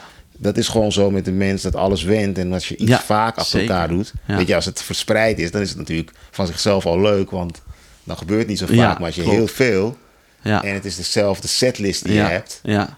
dus dan moet je heel, eh, dat, dat vraagt gewoon om een bepaalde connectie die losstaat van alle technische en inhoudelijke, maar Ja. meer hoe jij eh, je als eh, mens verhoudt tot wat je aan het doen bent. Mhm. De kunst die je maakt en weet je, en dat kan hem ook soms zitten in dat je ook wel eens denkt, hey, ik ga een solo bijvoorbeeld heel anders doen. Ja, klopt. Ja. Weet je, je bent Ja. gewend om dan dat pedaaltje in Ja. te drukken of dat, nou, doe het een keer niet Doe het of een keer anders. Ja. verras jezelf. Dus probeer iets te doen waardoor je het toch fresh houdt ja. binnen de context dat het kan.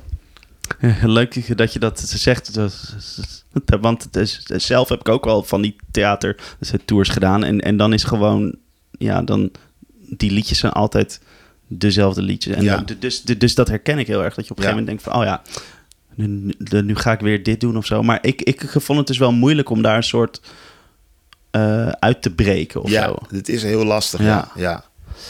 Maar, eh, Maar het dus- zit hem dus bij wat ik bij mij in ieder geval persoonlijk heb ontdekt. Het heeft echt te maken met jouw eigen mindset en hoe je ja, zit je in een groep. En dat heeft te maken met de medemuzikanten en het publiek. Dat je, weet je, ook als je speelt, is dat gebeurt eigenlijk veel meer dan alleen maar die noten spelen. Mhm. Het is veel meer dan alleen maar het Ja. mechanische. Klopt, er zijn ook mensen die, die een soort hoe van iemand naar je kijkt, Ja. hoe je lang naar Ja. iemand kijkt. En Ja. Weet je, je moet het ook zo zien, is dat noten die je speelt, akkoorden die je speelt, hebben een emotioneel effect bij iemand. Mhm. Ja, En wat ik ook vaak had gemerkt, ook achteraf, dat ik denk, nou, zie je iemand die niet zit met zijn handen over elkaar, Ja. en die kijk je heel stijfjes aan. Mhm.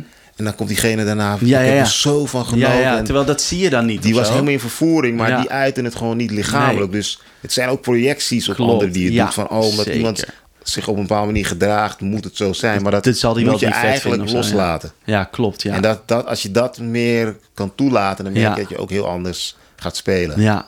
Ja, ja, zeker. een beetje de psychologische kant Ja, ja van eh, zeker. muziek maken, weet je. Dus eh, Ja, maar dat is echt, echt waar. Dat, dat, dat, dat, soms denk je van, nou, ze vonden er helemaal niks aan. En dan, juist na die Helemaal is iedereen en- helemaal gek. man. En dan komen dan op AC ook. Wow, Ja, ja. deed je dat niet tijdens het concert? Ja, maar dat zit gewoon niet in sommige mensen. Die zijn helemaal. Ze willen geen moment missen. Nee, Dus nee. ze zitten er zo bij. Maar Ja. daarna, oh, en dan komen ze je Ja. bedanken. Precies, ja. Dus ja, je weet het eigenlijk de- niet. de- de- Dan moet ze het ook nog even verwerken misschien ja, of zo. tuurlijk. Het zijn ook gewoon mensen die iedereen moet gewoon kunnen zijn zoals ze willen. Weet je. Ah, ja. Je Niks forceren, maar Nee. je merkt soms wil je dat graag. Hè? Ja, ja. muzikant wil je dat iemand. Oh, Ja, ja, inderdaad, ja. groove en dan weet je, Ja. ja, ik ga lekker. Hè?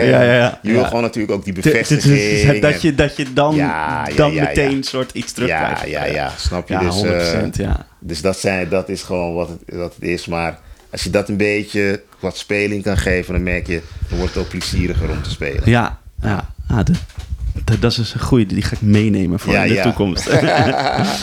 nice. Ze weet je, ze weet je misschien vijf platen of zo. eh, Misschien is het moeilijk zo even snel uit je hoofd. Maar wa- waar je echt ehm, zoiets hebt ge- van hebt gehad van... Oh ja, ik wil zo gitaar spelen of zo wil ik dat mijn eigen mu- mu- muziek klinkt. Zijn er een paar platen waar echt heel veel... Die echt een soort van mijlpalen zijn geweest. Oeh, ja, dat is een lastige vraag, omdat er zijn er Ja. zoveel. Maar Ja. kijk, ik heb in het verleden gewoon een paar platen, die ik heb ik helemaal grijs gespeeld. Ja.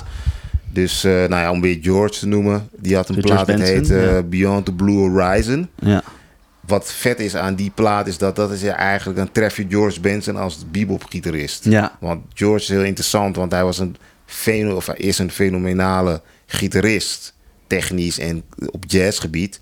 Maar hij kon ook echt, hij kan ook prachtig zingen en daar is hij ook extreem goed in en heeft hij een hele carrière in gehad. Maar die plaat, dan hoor je gewoon hem echt als Ja. een hele progressieve Jazz. jazzgitarist. En het was dan met alleen drums, bas en orgel. Dus het is een heel soort rauwe, pure Vet. sound. Er zit een versie van So What. Het was eigenlijk Mhm. de allereerste versie van het nummer die ik het gehoord nog voordat ik de Miles Miles, Davis versie hoorde. Ja. Nou, de solo's die hij daar speelt, is Ja? mind, vind ik nog steeds mind-blowing. Het is Mm. zo groovy en zo to the point en zo rauw en meedogenloos. Mm. Dus die plaat, dat heb, daar heb ik heel veel aan gehad. En Ja. daar, dat, dat wilde ik echt naspelen. Ja, ja, ja. En, weet je, dus eh, en even kijken hoor, of ik nog wat dingen kan eh, eh, bedenken die mij echt... Ja, misschien meer qua, qua producing, weet je Ja, nou ja, kijk, op producing gebied ben ik dus heel erg beïnvloed door met name Jay Dilla. Dus, Ja. dus een, nou ja, een hele beroemde hip-hop producer. In zijn tijd dat hij eigenlijk die producties maakte, was hij helemaal nog niet zo bekend. Ja, Want maar hij nu is dat... eh, scherm, maar hij is nu op. Ja, is daar ja. helemaal, ja. Ik heb eigenlijk een van zijn laatste optredens, want hij, hij is helaas jong gestorven, maar ik heb een van zijn laatste optredens nog gezien. Oh ja, En, hier in eh, Nederland? Amsterdam, ja. Oh. Echt, dat was echt een van zijn, nou, ik denk een maand later is hij gestorven. Ja, joh. Dus ik Oh, heb hem shit. gezien. Hij had, dat optreden had hij dan zelf eigenlijk niet gedaan. Maar hij kwam bij de toegift in een rolstoel. was heel heftig Oh. te zien. Hij was heel erg ziek. Ah. Maar toen hebben die guys, die rappers waar hij mee werkte... bij al zijn bekendste grooves hebben ze gedaan. Het was echt een... Het duurde denk ik iets van twee uur. En al mijn favoriete beats kwamen langs. Wow. Dus eigenlijk eh, een plaat die mij en waar ik nog steeds heel vaak op teruggrijp is eh, van een, hij had een band, het heet The Slum Village. Hmm. Dus dat, daar rapte hij zelf en hij maakte alle beats. En daar had je twee, je hebt daar twee volumes van. Dus je hebt het heet Fantastic Volume 1 en Fantastic Volume 2. Het grappige is, toen ik het voor het eerst ontdekte, kende ik Volume 2. Ja. En pas daarna heb ik Volume, Volume 1 one, ontdekt. ja. Beide moet je echt, als je het zeg maar een soort mijlpaal in de hip-hop geschiedenis Mhm. wil horen. En die stijl, want wat Jay Dilla zo beroemd maakt, is dat hoe hij zijn beats op de grid zette. Is dat het niet precies op de beat viel, maar er net naast of soms eerder. Dat is nu zo gangbaar geworden in, in allerlei muziekstijlen. Dat ja, jonge kids die hebben die feel al. Maar toen ik dat ontdekte, Ja. was dat nog helemaal niet bekend Ja. in de muziekwereld. Dus ik, ik- als, ik, als ik akkoorden speel vaak in hip-hop, dan weet je, stel jij hoort een beat die eh, mm, zo gaat. er. Tjakt, dikt, Mhm. tjakt, dikt, tjakt, dikt. Dan, heb, je- dan leg ik mijn akkoorden bijvoorbeeld zo neer.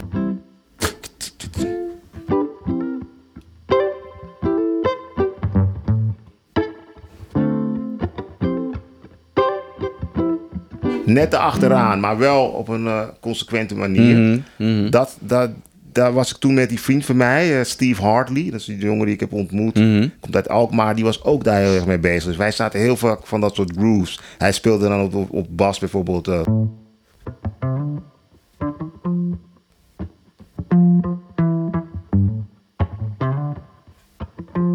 En dan zou ik dit soort akkoorden bij doen.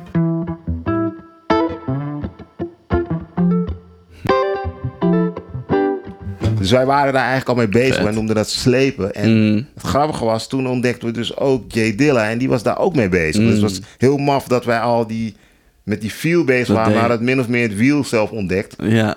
En toen kwamen we achter deze Amerikaanse producer die eh, met een plaat kwam. En ze, ja, toen ging de rabbit hole open. Vet. En kwam je er ook achter dat hij ook met D'Angelo werkte, Ja. met Common. Ja. Een van mijn favoriete platen, hip-hop platen all time is eh, Like Water for Chocolate. Ja. Dat is van Common en daar is een soort stercast. Dus heel veel nummers Oh. zijn geproduceerd door Jay Dilla. Hm. Maar hij heeft daar ook de gastrol van D'Angelo, Bilal, Mm. Questlove staat erop. Mm. Eigenlijk de hele, Ja. de hele Amerikaanse new soul scene van die tijd.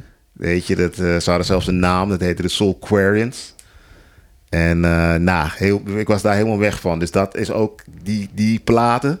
Hij heeft ook nog eentje die heette Welcome to Detroit. Dat is een solo plaat. Ook heel vet. Dus dat, daar, dat zijn echt mijlpaalplaten voor me in die hoek. Maar ja, er zijn nog zoveel meer dingen die ik, eh, die ik te gek vind. Ja. Weet je, eh, orkestrale plaat. Ik hou, Mm. hou ook heel erg van jazz, waarbij je dan een heel groot orkest hoort. Mhm. Dus je hebt platen die waren gemaakt of gearrangeerd door Vince Mendoza. Vince Mendoza is een, eh, een, een arrangeur, een dirigent, een Amerikaan, maar die, heeft, die woont al heel lang in Nederland. Dus die heeft heel lang het Metropoolorkest Oh, geleid. ja. Maar als je zijn eigen composities hoort, het is zo magisch mooi gemaakt. Mm. Dus ik ben daar ook eigenlijk best wel sterk door beïnvloed. En uh, nou ja, tegenwoordig, wie ik bijvoorbeeld heel vet vind, is Jacob Collier. Ja, zo. Zo, ja. dat is een ongelofelijke gast. ook helemaal de shit, ja. Zo, en wat, wat ik zo leuk bij hem vind, is de passie die hij ook heeft, ja, de drive.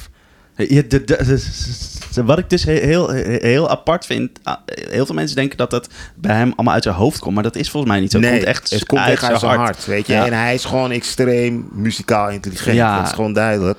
Ja, En hij kan het heel goed uitleggen ook, Ja. die concepten die hij heeft. Dat vind ik ook heel knap. ja, Maar hij is gewoon iemand die zijn passie gewoon, zijn droom helemaal leeft. ja, En dat is heel mooi om te zien. Het is niet eens alleen wat hij compositorisch of technisch naar voren brengt.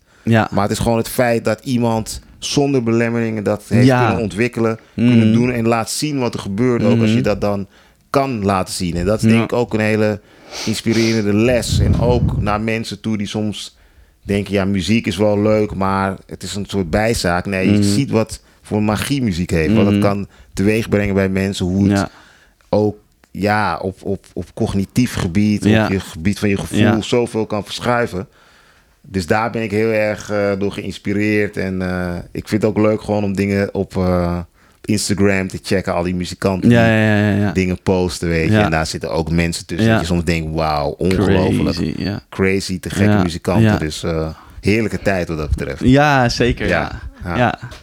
ja. ja. leuk. Ja, ehm,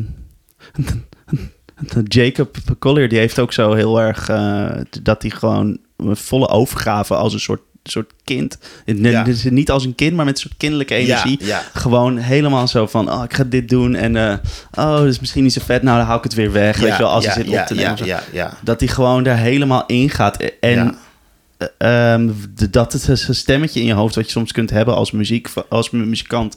Zo van, oh, dit- is, is, is- is niet vet. Dat, dat negeert hij Ja. gewoon best wel, wel Ja, ja. veel. Zeker tijdens dat hij opneemt. Zo. En, en, en dan later gaat hij kijken van, oh ja, wat, wat ga ik houden en wat ga ik niet houden. Ja, precies. En, En dat, vind ik ik een heel heel, inspirerend. ja, het is heel inspirerend en een heel goede les. En dat, Ja, dat merk ik ook bij mezelf. Ik denk dat ik daarom zo connect met zo iemand. Is dat, weet je, muziek maken gaat gewoon om plezier, Mhm. en ontdekken en, en lol hebben. Dus, weet je, soms dan zijn mensen zo oordelend van, ah, ik, naar zichzelf toe.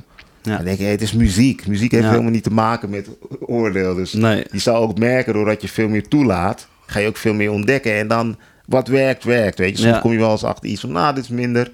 Maar dat heeft, dan heb je het toch nog kunnen uiten. ja, Terwijl als je alles tegenhoudt, dan word je heel verkrampt. En dan zal je het ook merken. Dan Ja. vloeit die muziek ook veel minder Mhm. goed. ja, Weet je? Dus dat is mooi bij dit soort mensen. En ik denk dat het ook deze generatie daar ook gewoon iets, eh, de jongere, jongere generatie daar ook iets relaxter mee is. Is dat er zit niet meer dat, eh, ik noem dat altijd het snobisme zit er niet Mhm. meer achter. Want je hebt best wel wat muzikanten gehad die echt zoiets hebben. Nee, deze muziekstijl is echt te gek. Ja. En dat is heel slecht. ja, Ik hou niet van dit of dat. Ja. Dat, dat is nu niet meer zo. Alles kan.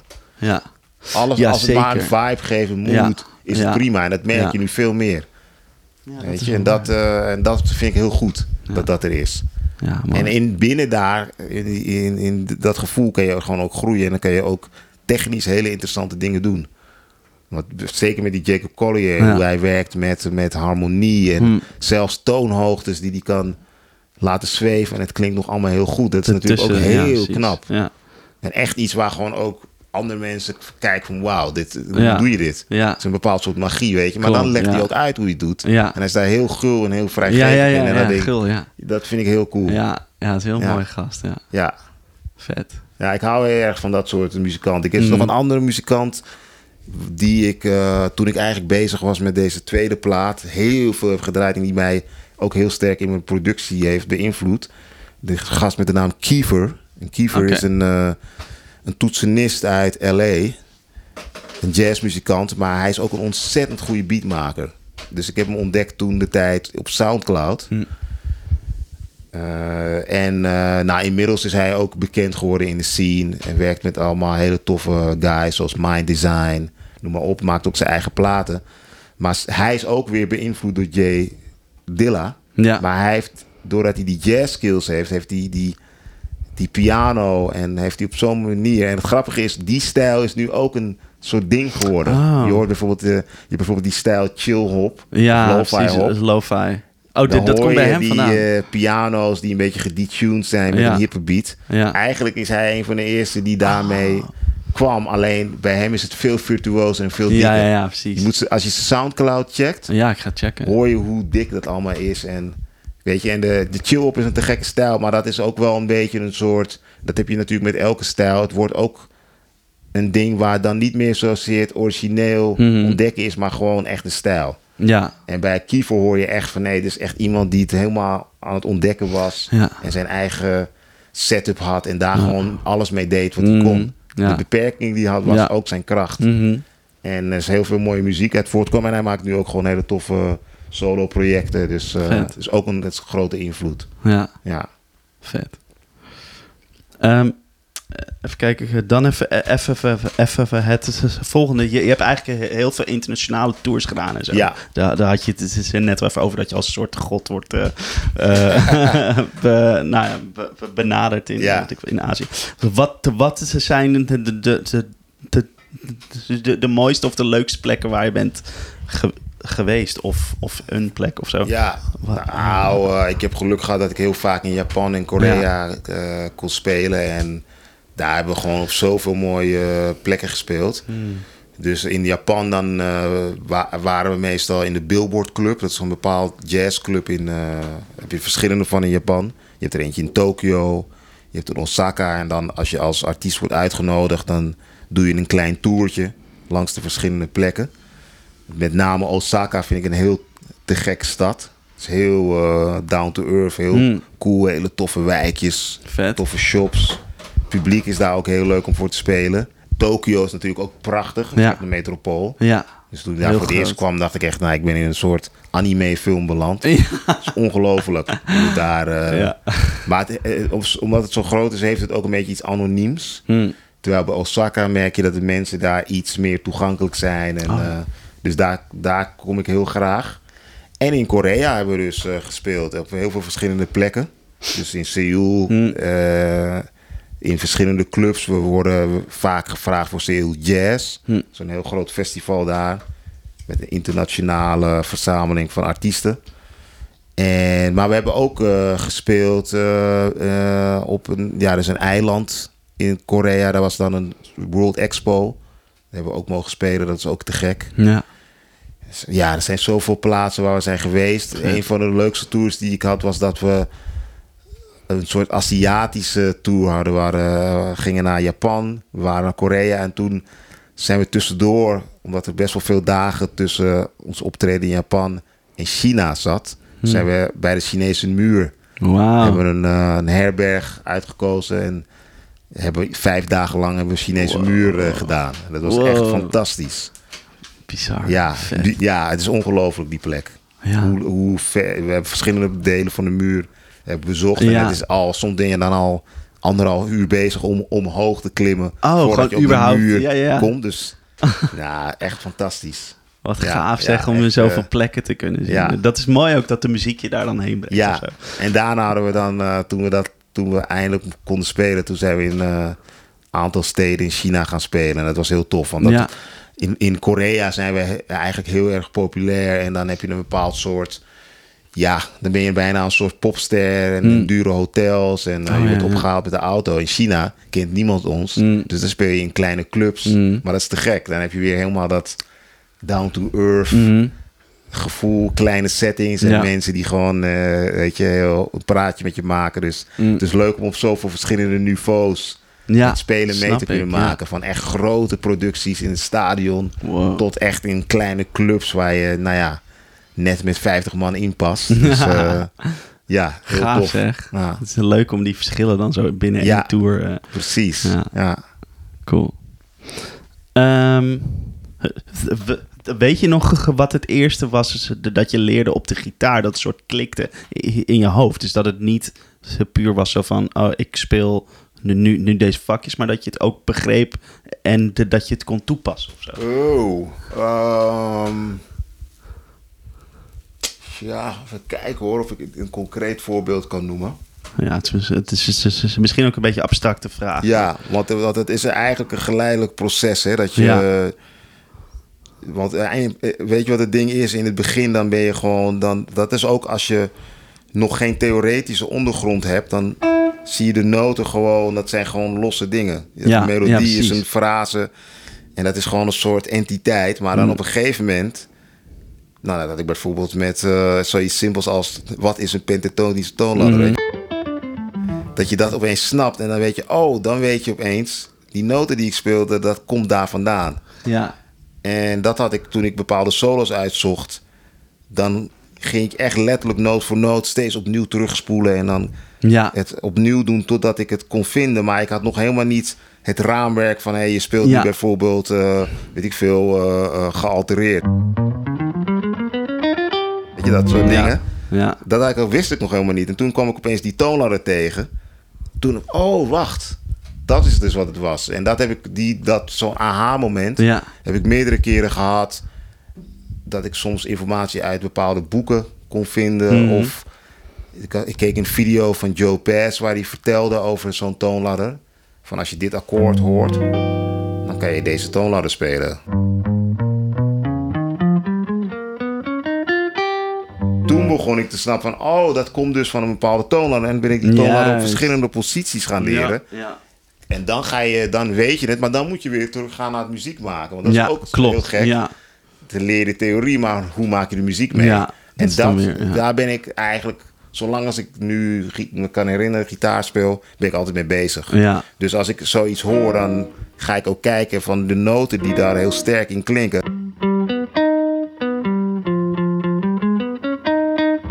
Ga ik verschillende combinaties proberen.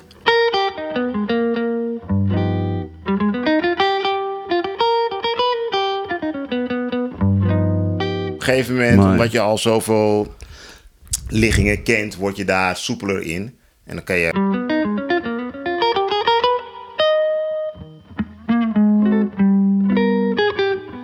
Licks ook, weet je. Dus Wauw, een- ja.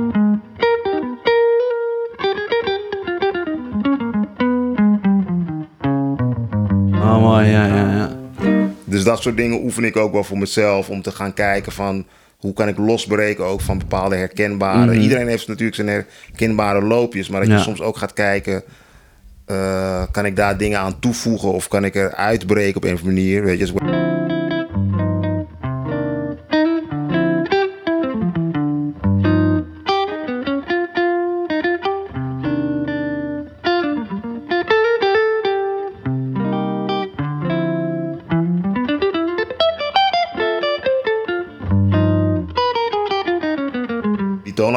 Ja, dat is die gealtereerd. Ja.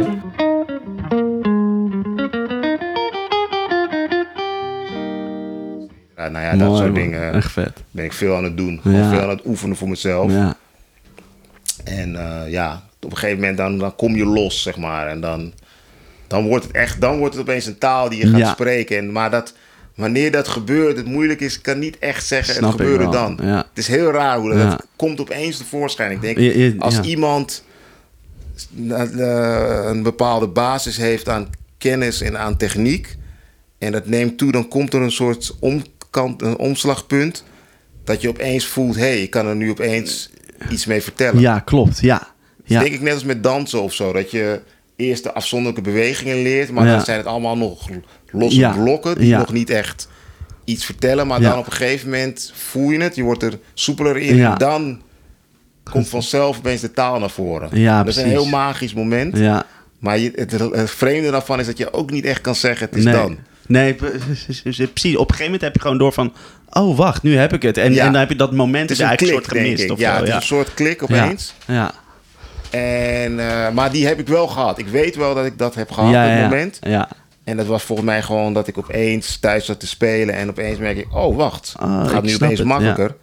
Ja. Maar hoe je daar komt, ja, dat, Ja. iedereen heeft dan weer zijn eigen manier Ja. mee. Hoe je daarmee komt. Maar ik denk dat je er alleen maar gaat komen doordat je vaak in aanraking bent met je instrument. Mhm. Ja. Ja. Dus voor mij is, is, is, is eh, improviseren ook letterlijk gewoon een, verhaal vertellen. Het is letterlijk gewoon praten met je instrument. Ja. En zinnetjes maken. En, en net als dat iedereen zijn eigen manier heeft om dat te doen. Dat ook met je instrument. Ja. Ja. Ja. Ja, mooi. Ehm, net net heb je al, al wat de mensen genoemd, maar ik ben benieuwd naar nog meer ehm, ja, gitaristen die hebben beïnvloed? Uh, nou, ik kwam bijvoorbeeld uh, uh, Nederlandse gitarist Jesse, Jesse van Ruller. Oh, van Die kwam ik op een gegeven moment tegen toen ik luisterde naar een band. De, die band heette Svek. Svek was eigenlijk een soort van, ja, dat noemde je in die tijd jazzfunk. Alleen wat zij deden, ze gebruikten oneven maatsoorten. Mm. En zij waren dan weer heel sterk beïnvloed door een muzikant die ook mij heeft beïnvloed, heet Steve Coleman.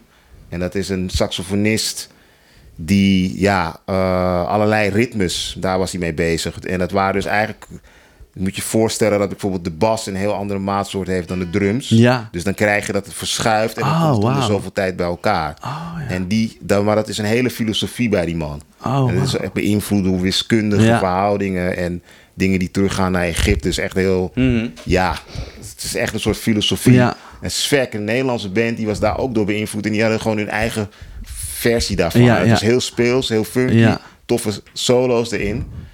En op een gegeven moment hadden ze een versie van de band waar Jesse bij kwam spelen. En Jesse was toen een beetje in upcoming.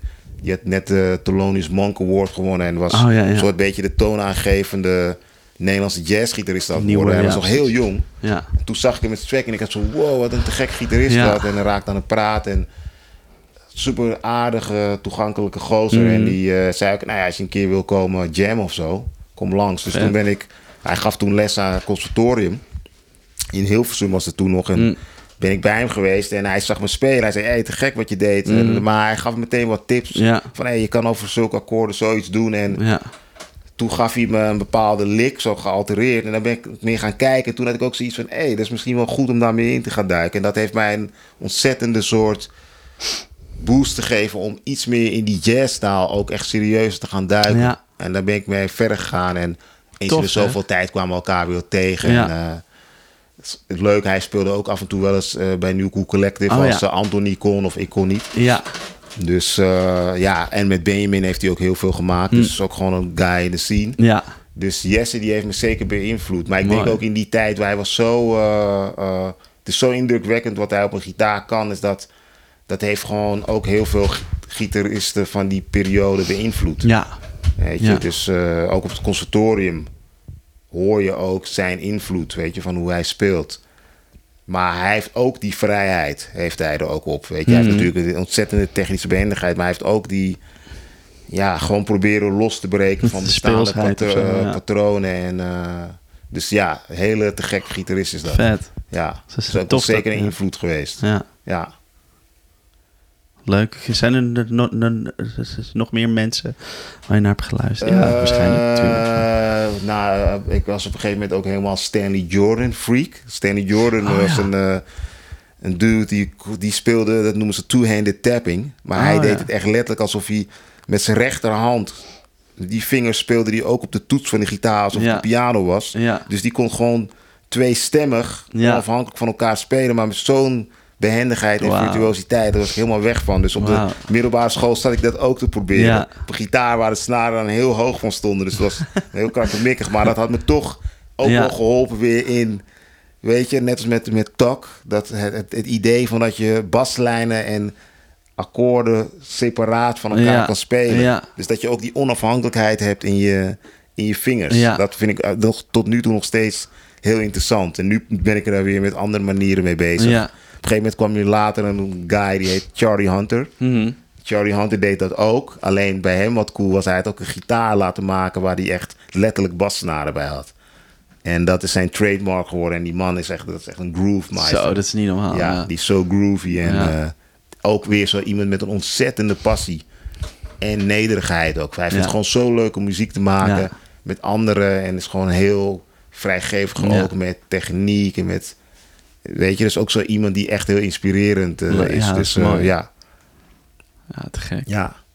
Nou, en, en, en eh, weet je, zijn er denk ik te veel gitaristen om op te noemen, Ja. maar bijvoorbeeld iemand als Alan Holdsworth was ik ook Mm. heel erg fan Oh, van. ja, ja. En Scott Henderson, weet je, die fusion gasten. Ja. Heb ik ook zo'n periode gehad dat ik daar helemaal into was. En ja, Vet. er zijn zoveel mensen. Ja, ja, de, de, de, de, de, is De list altijd goes te veel om op te Ja, noemen. Ja, ja, ja. ja. Mooi. Zijn er nog, ehm, zijn er nog nog dingen die je nog nooit hebt, hebt gedaan op het gebied van muziek maken, die je nog wel eens zou willen doen? Wat zijn je ja, zeker. Ja, ik zou bijvoorbeeld heel tof vinden om een keer een project te doen met strijkers erbij. Ja, ja. Dat zou ik heel tof vinden. Eh, eh, eh maar, de, maar, en dan ook dat je dat zelf arrangeert ja, en zo. zelf componeren en arrangeren. Dus dat lijkt me heel tof. Ja. En wat ik bijvoorbeeld ook, weet je, nu heb ik, nou ja, we hebben hier allemaal elektrische gitaar staan, maar ik hou ook ontzettend van akoestische gitaar het lijkt me nog heel vet om een keer een echt akoestisch project te doen. Ja. Want eigenlijk het meeste wat ik tot nu toe opneem... Heel af en toe komt er wel akoestische gitaar voor, Mhm. hoor. Bij Wouter heb ik dan wel eens partijen gespeeld. Mhm. Maar een echt een plaat met de focus Ja. dat het akoestisch is. Dat, Ja. zou ik nog heel, dat is echt nog een wens van me. Oh ja. En dat zou ik heel cool vinden om gewoon met een vocalist te werken, weet je. En gewoon mooie eh, akoestische gitaarpartijen. Met die podcast heb ik best wel wat akoestische nummers ook gemaakt. Ja, ja. Dus daar kwam het al een beetje naar voren. Mhm. Maar het lijkt me heel tof om daar een keer nog echt een plaat mee te maken. Cool, ja. Gewoon mooie nummers, mooie gitaar, mooie tokkels ook. Ja. Want ik ben bijvoorbeeld heel erg fan eh, van eh Sufjan Stevens. Ja. En die zijn, zijn ja, akoestische gitaarpartijen die gaan zo mooi in elkaar over. Mhm. Het klinkt allemaal prachtig. Dat heb ik ook met Kings of Convenience. En ook twee eh, mannen die eh, zingen en ze spelen ook allebei heel mooi akoestische gitaar. Maar die vibe van mooie gitaren en verschillende klanken. Ja. Ja, dat zou ik nog heel graag willen doen. Vet. Ja. Ja. Leuk. Dus er zijn nog best wel wat eh, Ja. projecten die ik in mijn hoofd heb van... weet je, die ik nog wel zou willen doen. En misschien Ja. wel in combinatie. Want ook met die strijkers bijvoorbeeld. Ik kan me ook voorstellen dat je akoestische nummers Ja, en dan ja, dat er nog bij. En het hoeft niet een heel orkest, maar gewoon een kamerorkest, ja. weet je. Ja, dat is super mooi. Ja, want ik speel wel af en toe in formaties waar dat erbij is. Oh, ja? hele toffe is strijkers, maar dan is het al gearrangeerd. Ja. En dan ben ik gewoon ook een van de gastmuzikanten. Maar eh, het lijkt me heel tof om eens een keer zelf zoiets op te zetten.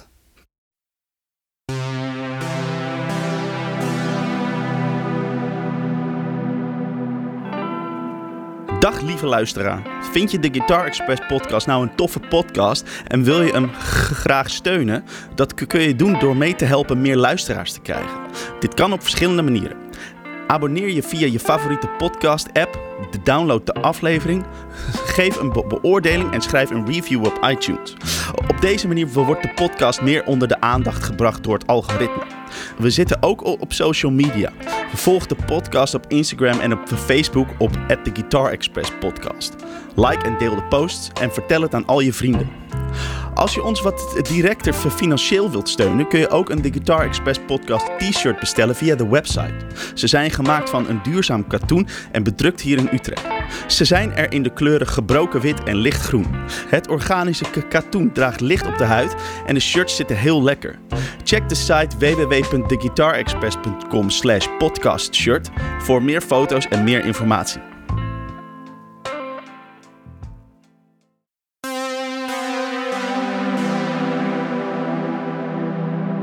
Jij hebt jouw uh, de, deze Ja, ik heb de. Hofner, hè? Ja, Ja. Die, die, die heb je eigenlijk, eigenlijk al heel lang. En, Ja. en, en net eigenlijk voordat we opnamen. Toen vertelde je ook dat jullie heel veel hebben meegemaakt. Ja, samen. want deze gitaar, dat is... eh, da, da- nou ja, voordat ik hem kocht... Ik heb hem bij Saxioni in Amsterdam Ja. gekocht. Maar daar heb ik hem bijna een jaar erop zitten spelen. Elke keer Oh ja? in die winkel kwam, Ah. stond hij er nog en dan pakte ik hem weer. Tot op een dag de eigenaar zei van... Hé, moet je die gitaar niet gewoon kopen, man? Ja. Je bent er altijd mee. Je hebt Ja. een klik mee. Ja. Dus dat heb ik toen ook gedaan. En eh, nou ja, die gitaar, hij ziet er nu eigenlijk een beetje anders uit. Want hij, hij heeft eigenlijk officieel ook een slagplaat. Oh ja. Nou, dat was eigenlijk al het eerste teken van dat er iets met deze gitaar aan de hand was. Want die liet telkens los live. Maar ik heb echt... Op een gegeven moment zijn er element, is een element ook doorgebrand. En wat er van binnen zat, het is een wonder dat die gitaar het ooit Überhaupt kocht, Ja. überhaupt nog deed. Het was echt een soort...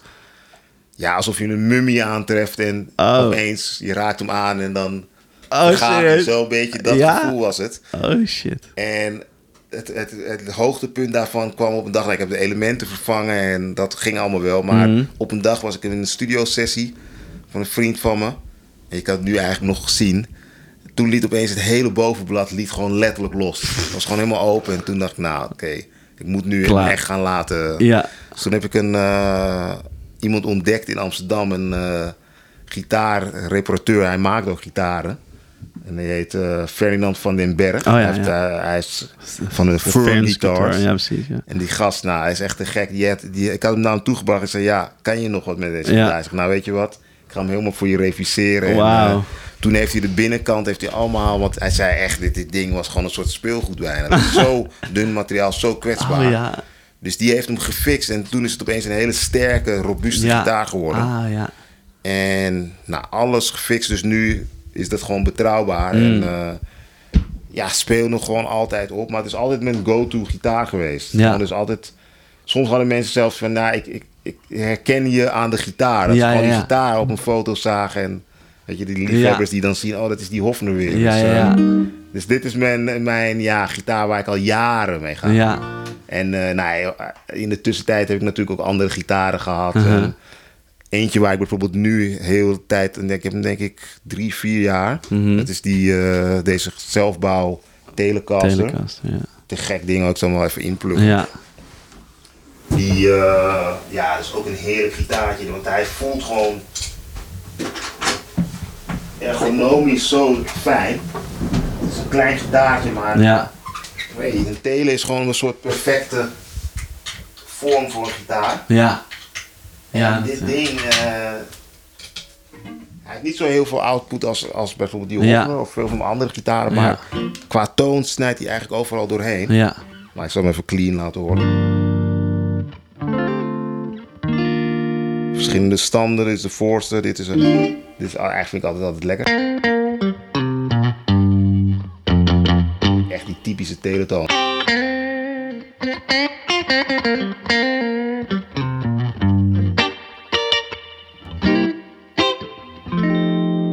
Ja, heerlijk gitaartje. Heel mooi, ja.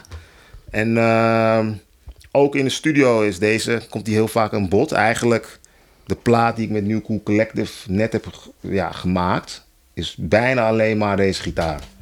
Ah, Oké, Ja. waarom is dat? Wa- Waarom eh Het bleek steeds dat hier? deze, het, het, het, het klikt gewoon. Was gewoon- die werkt ja, gewoon. Ik had ook wel die Hofner bij één Ja. nummer. Ja. Maar bij die andere was het elke keer ja. En, en het is ook die, die toon op een of andere manier is heel transparant. Soms heb je wel eens dat een gitaar heel body, veel body heeft en lekker klinkt. Maar Mhm. het neemt heel veel ruimte in, in de mix. Ja.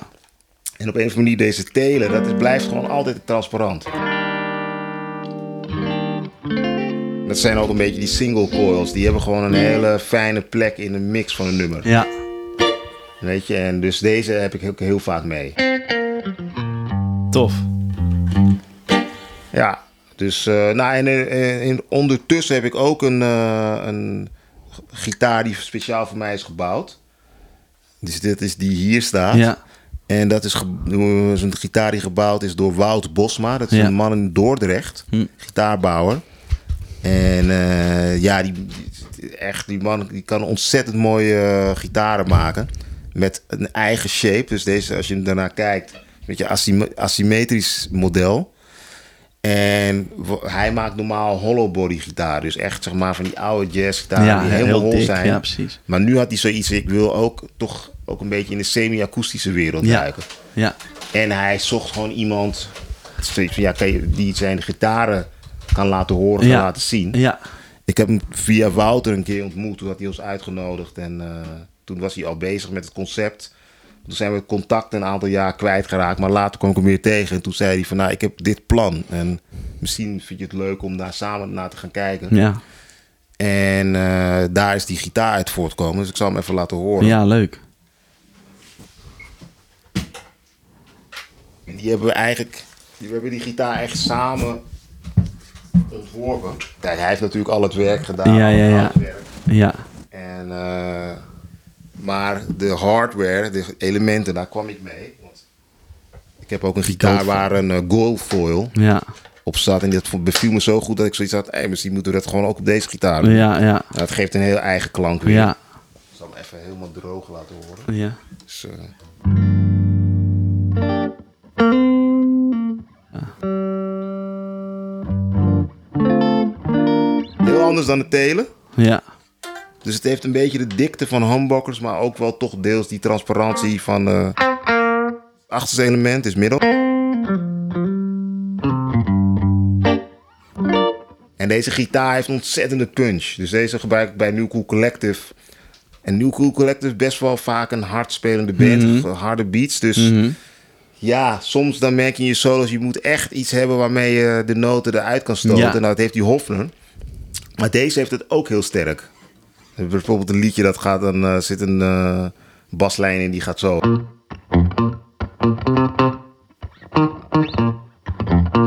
En dan heb ik op een gegeven moment, eh, in dat nummer heb ik een solo. En dan hoor je op een gegeven moment...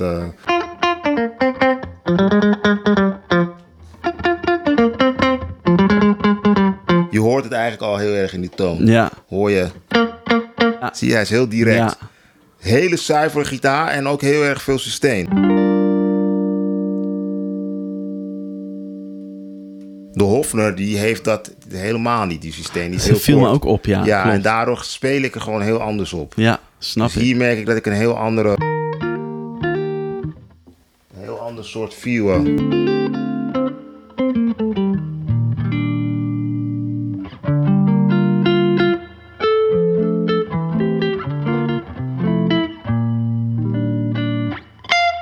de hoge noten zijn ook... Ja, ja, ja. ja. Dus Mooi. Het is echt een hele ja, directe gitaar.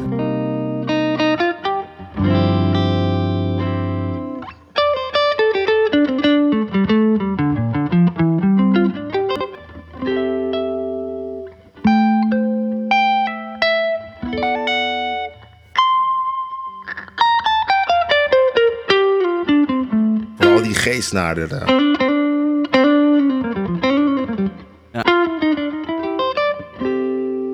Zie je? En Mooi, eh, heel dynamisch, hè? Ja. Nou, we zijn wel mooi. all-out gegaan hoor, bij deze gitaar. Ik had echt zoiets. Al mijn gitaren zijn best wel sober qua Aha. design. Ik, Aha. van, nou, laten we gewoon echt een soort van... Ja, gitaar die wel extravagant eruit Ja, ziet. Ziet veel goud. Hout en- we hebben en zo'n tremolo. Dat is iets wat ik normaal eigenlijk nooit echt gebruik. Ja. Maar dus, ah, ga gewoon all the way. Dat je Ja. echt uit kan leven. Dus het is echt een heel mooi uitziende gitaar. ja, ook. ik vind hem prachtig ook, ja. Ondertussen is er een nieuwe in de maak. Dus we zijn weer Echt bezig waar? met een nieuw model. Wordt- Oké, lijkt ja. die hierop? Of Die wordt- lijkt erop, maar Oh, ja. die is toch weer heel anders. Oh, ja. En dan gaan we ook met een andere ja, combinatie van pick-ups. Ja, En, eh, want, want het is een work in progress, weet je. Dit is echt een te gekke gitaar, Ja. maar we hadden zelfs zoiets van... nou, voorbij kan ik het nog beter doen en ik wil ook andere modellen. ja. Eh, ook kijken of er een soort van versie te maken is die wat simpeler is. Want Mhm. kijk, dit is echt een handgebouwde gitaar met... alles is gewelfd en Ja, ja. Weet je, dus dat is een, komt in een bepaalde range, Ja. prijsrange. Maar hij Mhm. had van, dus die kan ik ook eentje maken die iets eenvoudiger is. Dus, Ja. eh, dus zo zijn we samen aan het brainstormen. Maar er komt dus nog een nieuwe aan. Vet. En eh, nou ja, ik ben heel erg benieuwd wat dat voor een gitaar Ja. wordt. Die lijkt er heel erg op, maar er zijn wel wat aanpassingen. In de, de shape van de body, Ja. andere elementen, net iets andere dikte. Ja. Maar Oh, ik, ben, eh, ja, ik ben be- benieuwd naar hoe die ja, wordt. dus eh Wout, maar Leuk. het is echt, eh, met deze gitaar speel ik gewoon heel veel live. Dus eh, d- dat, dat snap ik wel. Dit, dit, dit, dit lijkt me gewoon heel betrouwbaar. Ja, volledig betrouwbaar. Gitaar. Ja.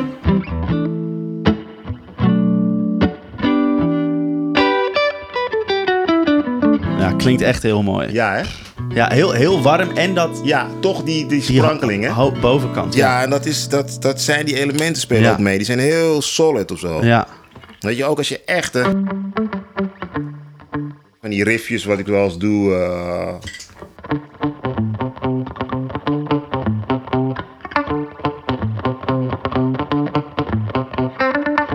Het komt er allemaal heel Mooi, duidelijk ja, uit. weet ja. je, Dus, eh,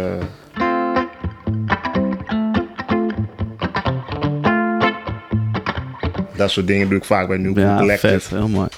Weet je, dus eh, ja. Dus daar ja, en ja, je ziet achter mij heb ik ook allerlei andere gitaren. Mhm. Dus eh, akoestische gitaren, Ja. waar ik heel blij mee ben. Ja. Dus, eh, nou, en ik heb een hele reeks pedalen hier liggen. Ja. Dus ja. Laten we daarover. Ja, nee, Ja. vind ik ook leuk om, eh, om eh, wat over te horen. Ja. Want je hebt ook wel, wel wat dingen die je niet zo, zo, zo heel veel, veel ziet. Die Ch- Chase Bliss. Ja, die Chase Audio. Bliss, eh, die zijn heel interessant. En Chase Bliss is een, ja, dat noemen, ze, dat noemen ze boutique. Dat zijn eigenlijk van die specialistische pedalenbouwers, die maken gewoon... Weet je, je hebt natuurlijk de pedalen van Bos. Bos, ja. Dat, is echt vrij standaard dingen, uh, massaproductie. maar ook wel heel tof wordt trouwens. Zeker, deze. ja, absoluut. Maar die, die boutique pedalen zijn altijd iets exclusiever. Hebben iets eigenaardigs of zijn met hele dure onderdelen gemaakt. En uh, Chase Bliss die maakte eigenlijk voorheen altijd alleen maar analoge pedalen. Ja. Dus er zat niks digitaals in, behalve dat wat ze dan allemaal speciaal maakt zijn die knoppen hierachter. Ja, die dip switches of zo. Dat is wel een digitaal deel, maar dat wil eigenlijk gewoon zeggen dat je bijvoorbeeld dit soort dingen automatisch ja, gaat doen. Ja, Waardoor je dus nog meer effecten eruit kan halen dan alleen maar het basisconcept. Ja. Uh, dus dat is heel tof. Maar wat deze vooral heel bijzonder maakt, de delay, is ook meteen het duurste uit die hele reeks. Omdat daar zit een analoge chip in. De tonal recall ja. heet die, ja. En die worden eigenlijk niet meer gemaakt. Oh joh. Dus het is gewoon op een gegeven moment is het gewoon op. En ja, precies. Daarom zijn ze Die delays zijn dan op die, die dat hebben. Mook heeft ook zo en zo'n oh, ding. Ja, ja. Die worden steeds duurder. Dat zijn gewoon collectors items op een gegeven moment. Ja. Maar als je ook die repeats hoort, dan snap je ook van, oh ja, het is ook wel heel mooi. Hoe het, uh, ja, het soort, het wordt steeds ja, ook een soort gruizig en uh, waardoor je echt die mooie ambient dingen.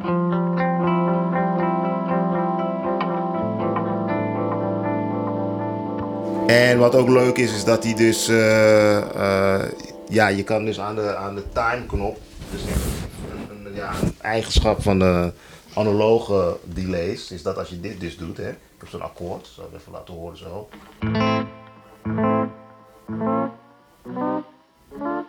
Ja. Als je de tijd korter maakt, dan gaat hij ook mee. Dat heb je eigenlijk bij digitale delays niet. Hmm. Of dan, dan is het een emulatie. Ja, precies. Dan Dus doet niet dat dit is echt maar, een, een onderdeel van eh, analoog, maar daar kan je Ja. dus ook hele toffe dingen mee doen.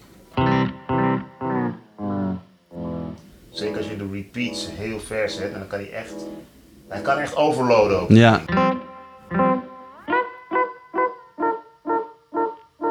Even laten horen. Zie je dan? Opeens gaat Ja. hij dan, eh, Ja. je dat heel snel doet. Dus je kan daar allerlei Ja. geinige muzikale effecten mee doen. Maar ik gebruik dit dus, dus dit is een van mijn delays die ik gebruik. Ja. Maar die Chase Bliss daarnaast, die was meteen heel grappig, omdat dat was de eerste digitale pedaal die hij heeft gemaakt. The Dark World. Ja, de Dark World. En dat zijn eigenlijk twee reverb units in één. Ja. En de, de rechter is gewoon traditioneel reverb. Dus dat is bijvoorbeeld een plate, spring, galm. Nou, dat klinkt, dat klinkt heel bekend. Ja. Hier is verschillende instellingen. Dit is die spring, dit is de plate. Maar vrij Ja. gangbaar. Klinkt best wel goed. Ja. Maar interessanter is die andere, Andere delay, kant. dat is een soort hele weirde delay. Dat heeft hij in samenwerking gedaan met een paar andere pedalenbouwers. Wow, vet. Daar soort- kun je echt van ja. die spooky... Heel Gedetuned, ja. Vet. Nou, ik hou heel erg van het ambient guitar ding. Dus dat je echt met je gitaar allerlei space geluiden kan maken.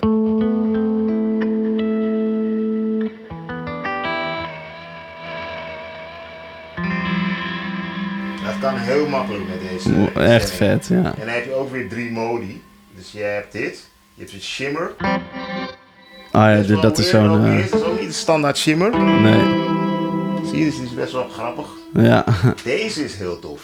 Dit is een instelling waarmee je een soort infinite, eh, ja, hoe noem je dat, eh, sustain hebt. Hm? Dus ga je...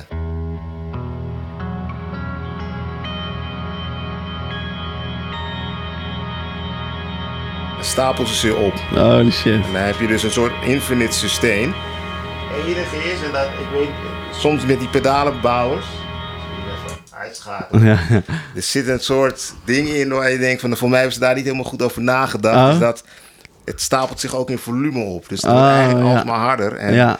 Je kan dus eh, die twee reverbs combineren. En dan kan je die andere in de Ja. background zetten. Maar als je hem vergeet uit te zetten, kan die opeens keihard zijn. Oh. dan kan je helemaal overstuurd. En Wauw. ik heb Oh, een is keer dan... live wel eens is- gehad. dat schrik je wow. helemaal. Ja, het kan het al. Als je het weet, dan kan je dat heel leuk gebruiken. Ja. Als je het niet weet, ik had Nee, dat toen dan- tijdens een live show meegemaakt. Dat ik per ongeluk die intap en kwam toch een kabaal uit dat iedereen ook zo omkijkt. Wat, Wat gebeurt ben jij hier? aan het doen? Dus eh, ja, Holy dat is shit. eentje waar je een beetje voorzichtig mee moet zijn. Ja, dat ja, is wel ja, heel ja. tof. Dus dat, eh, nou ja, dat is de Dark World. Ja, mooi. Dus wat ik met deze setup heb gedaan. Ik heb een delay en dan een reverb. Nou, dat is vrij standaard. Maar ik heb daarna weer een delay. Oh ja, ja. Dat is de Nemesis delay. En die, dat is vind ik weer een soort toolbox. Ja. Dat is Oh, gewoon ja. een, een multi-effect. Met allemaal verschillende soorten delays erin. Hm? Je kan hem ook via USB kan je hem programmeren. En dan kan je weer andere Wauw. functies. Ja. Maar dat is gewoon een heel betrouwbaar, steady ding. Die wel heel mooi klinkt. Hij klinkt wel heel warm. Het is digitaal, maar heel warm. En dan heb je vier presets. Ja. Nou, ik zal een paar laten horen, want het is best wel grappig. Uh, de eerste heb ik een, eh, een pitch delay. Ja. met uh, octaaf eronder. Juist. Maar eigenlijk hoe ik hem leuker vind, is zo. Dan doe ik hem een octaaf hoger met een beetje ruimte. En dan krijg ik...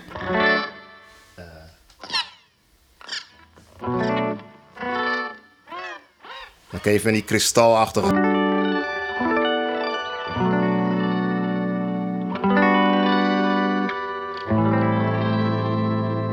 Is Heel heel mooi. grappig is dat. Ja. En eh, dit is bijvoorbeeld een digitale delay. En dit, dat, dit is iets nieuws, wat ik, dat heb ik nooit eerder gedaan.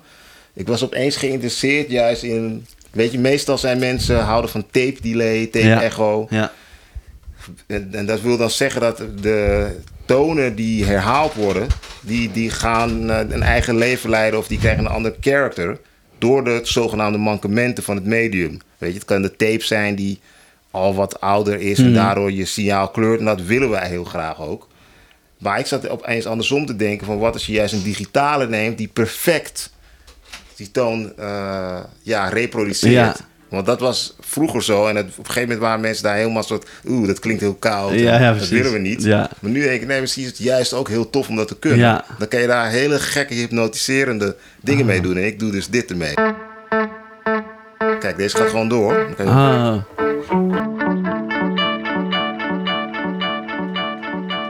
Je hoort, het is gewoon de hele tijd hetzelfde.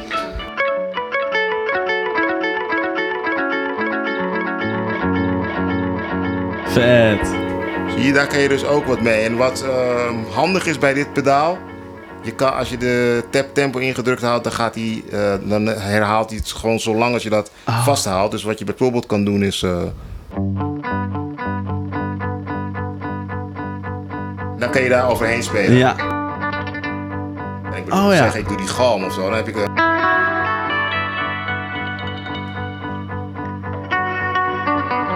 Dat is iets wat ik nooit, eigenlijk niet eerder heb gedaan. Ik had laatst een optreden waar we dat hadden gebruikt. Ja. Een soort van noten neergelegd. Met een drummer. En dan kon ik daar overheen. eh,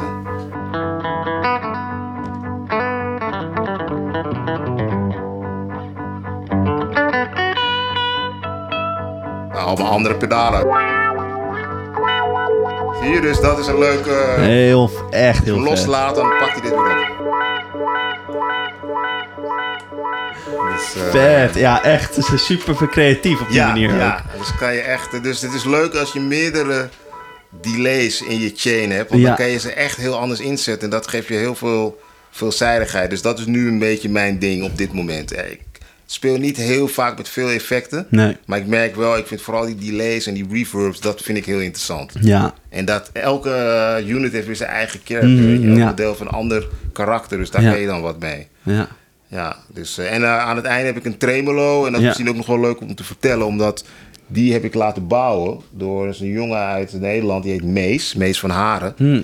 En Mees, die, eh, ja, die is, hij is gewoon een, een ja, soort van engineer. Hij kan gitaren repareren, maar ook pedalen maakt hij na. Dus Oh ja. beroemde type pedalen. En dan kan je dan weer je eigen configuratiewens Oh, aan ja. doorgeven. Ja. Want ik had zoiets vaak met een tremolo. Wat ik me opvalt, het zijn altijd grote kasten. Het zijn altijd. Ja. Je ziet ze bijna nooit gewoon in een normaal formaat. Zoals die bij die kleintje, bos. Of, eh, dus dat was mijn eerste eis. Van ik wil een tremolo. En ik heb daar de Pulsar, als je daar kijkt. Oh ja, dat groot ding, ja. Electro-Harmonics. Ja. En zoiets wilde ik, maar dan in dit formaat. Ja. En dat is eigenlijk wel gelukt. Min of meer. Het is niet helemaal hetzelfde. Ja. Maar wat je dus kan doen bij deze is dat je hem de golfvorm kan bepalen. Ja. Dus is het echt als een soort van gelijkmatige sinus. Of is het onevenredig. Ja. Je kan de snelheid natuurlijk en hoe heftig die ingesteld staat. Mhm. Maar wat ook leuk is, het is ook nog een booster. Een clean Oh, booster. ja, dus je kan hem ook nog als eh, booster inzetten. Nou, te gek. Nice, Klinkt ook heel mooi. En omdat ik hem nu aan het einde van de chain heb, dan hoor je hem ook op de reverb bijvoorbeeld. Ja. Dus dit is zonder. Met.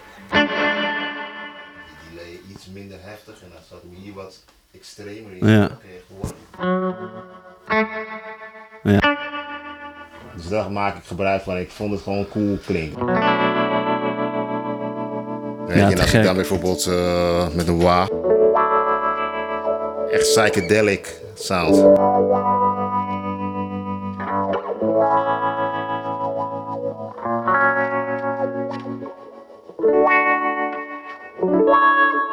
Mooi. Een chorus op mijn is trouwens ook heel gaaf.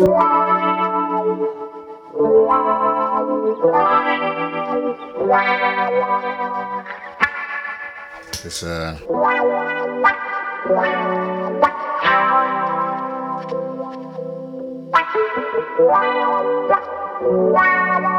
Nou ja, dus met deze vet. toolbox kan ik heel veel van Ja. de dingen die ik tof vind, Ja. kan ik, eh, kan ik eruit halen. Ja, mooi hoor. Echt, echt Ja. mooi. En, Ja, en man. dan een, een, eh, even kijken, last up in the chain hebben we Ja. die, eh, die amp. Amp, Dat is ja, een mooi ja. ding, hè? Ja, dit, dat, dat, dit klinkt echt mooi ook, vind Ja, ik. die Blue Guitar, dat is gewoon Ja. een hartstikke te gekke amp. Het klinkt Ja. een beetje als een twin eigenlijk, de cleaner Ja. channel. En eh, kijk, die man die dat heeft gemaakt is een hele bekende versterkerbouwer. Die werkte voor mij voor Hughes en Kettner. Ja. En ook een goede gitarist. En die is helemaal van de Marshall. En die had zoiets, ik wil gewoon zo'n ding maken, maar dan in een pakket dat je niet, weet je, goede versterkers zijn vaak groot. Ja. Grote speakers, dus je moet veel meesjouwen Ja. zou het me lukken om een top te kunnen maken die als een soort floor pedal kan bedienen. Ja. Daar is dit uitgekomen. Mooi. De Amp One. En het klinkt, kijk eens als ik hem helemaal clean laat horen.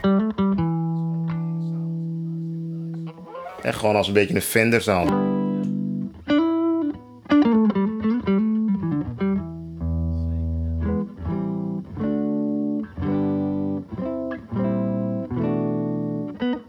Maar ook de eh, overdrive channel is ook wel best wel nice hoor. Die kan heel dynamisch. En clean. Oh ja, oh ja. Dat is zeg maar één van de channels, die noemt hij vintage. Maar hij heeft ook nog twee instellingen dat je zelfs naar metal zou kunnen gaan. Ja, ja, precies, ja. Weet je, als je hem helemaal op modern zet. Dan,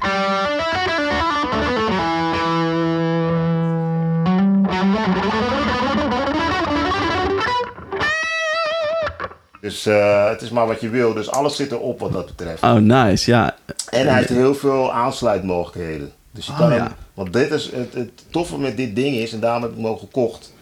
Het is niet alleen een, maar een soort voorversterker, er zit ook een eindversterker. Ja. Dus je- als je hier een speaker op aansluit, Dan is ben het je gewoon... klaar. Ja, dan heb je ja. gewoon een sound. ja, dan hoef je niet nog een soort eindversterker. Nee, Ja, dat, is wel echt te gek. Ja. ontzettend handig is dat. Ja.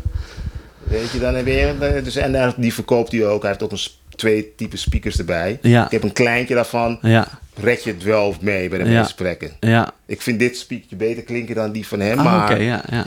Op zich is die eh, ook prima te doen. Hij Ja. heeft een grotere ook nog. Maar je Ja. kan natuurlijk gewoon welke speaker je ook wil erop Ja, aansluiten. ja, ja. En uh, een effectsloop zit erin. Dus het is Ja. een heel compleet iets. Ja, precies. Je zet, eh, ehm, ehm, dus DI out of, Ja. of direct out ook Zit er ook nog In op. ieder geval, ja.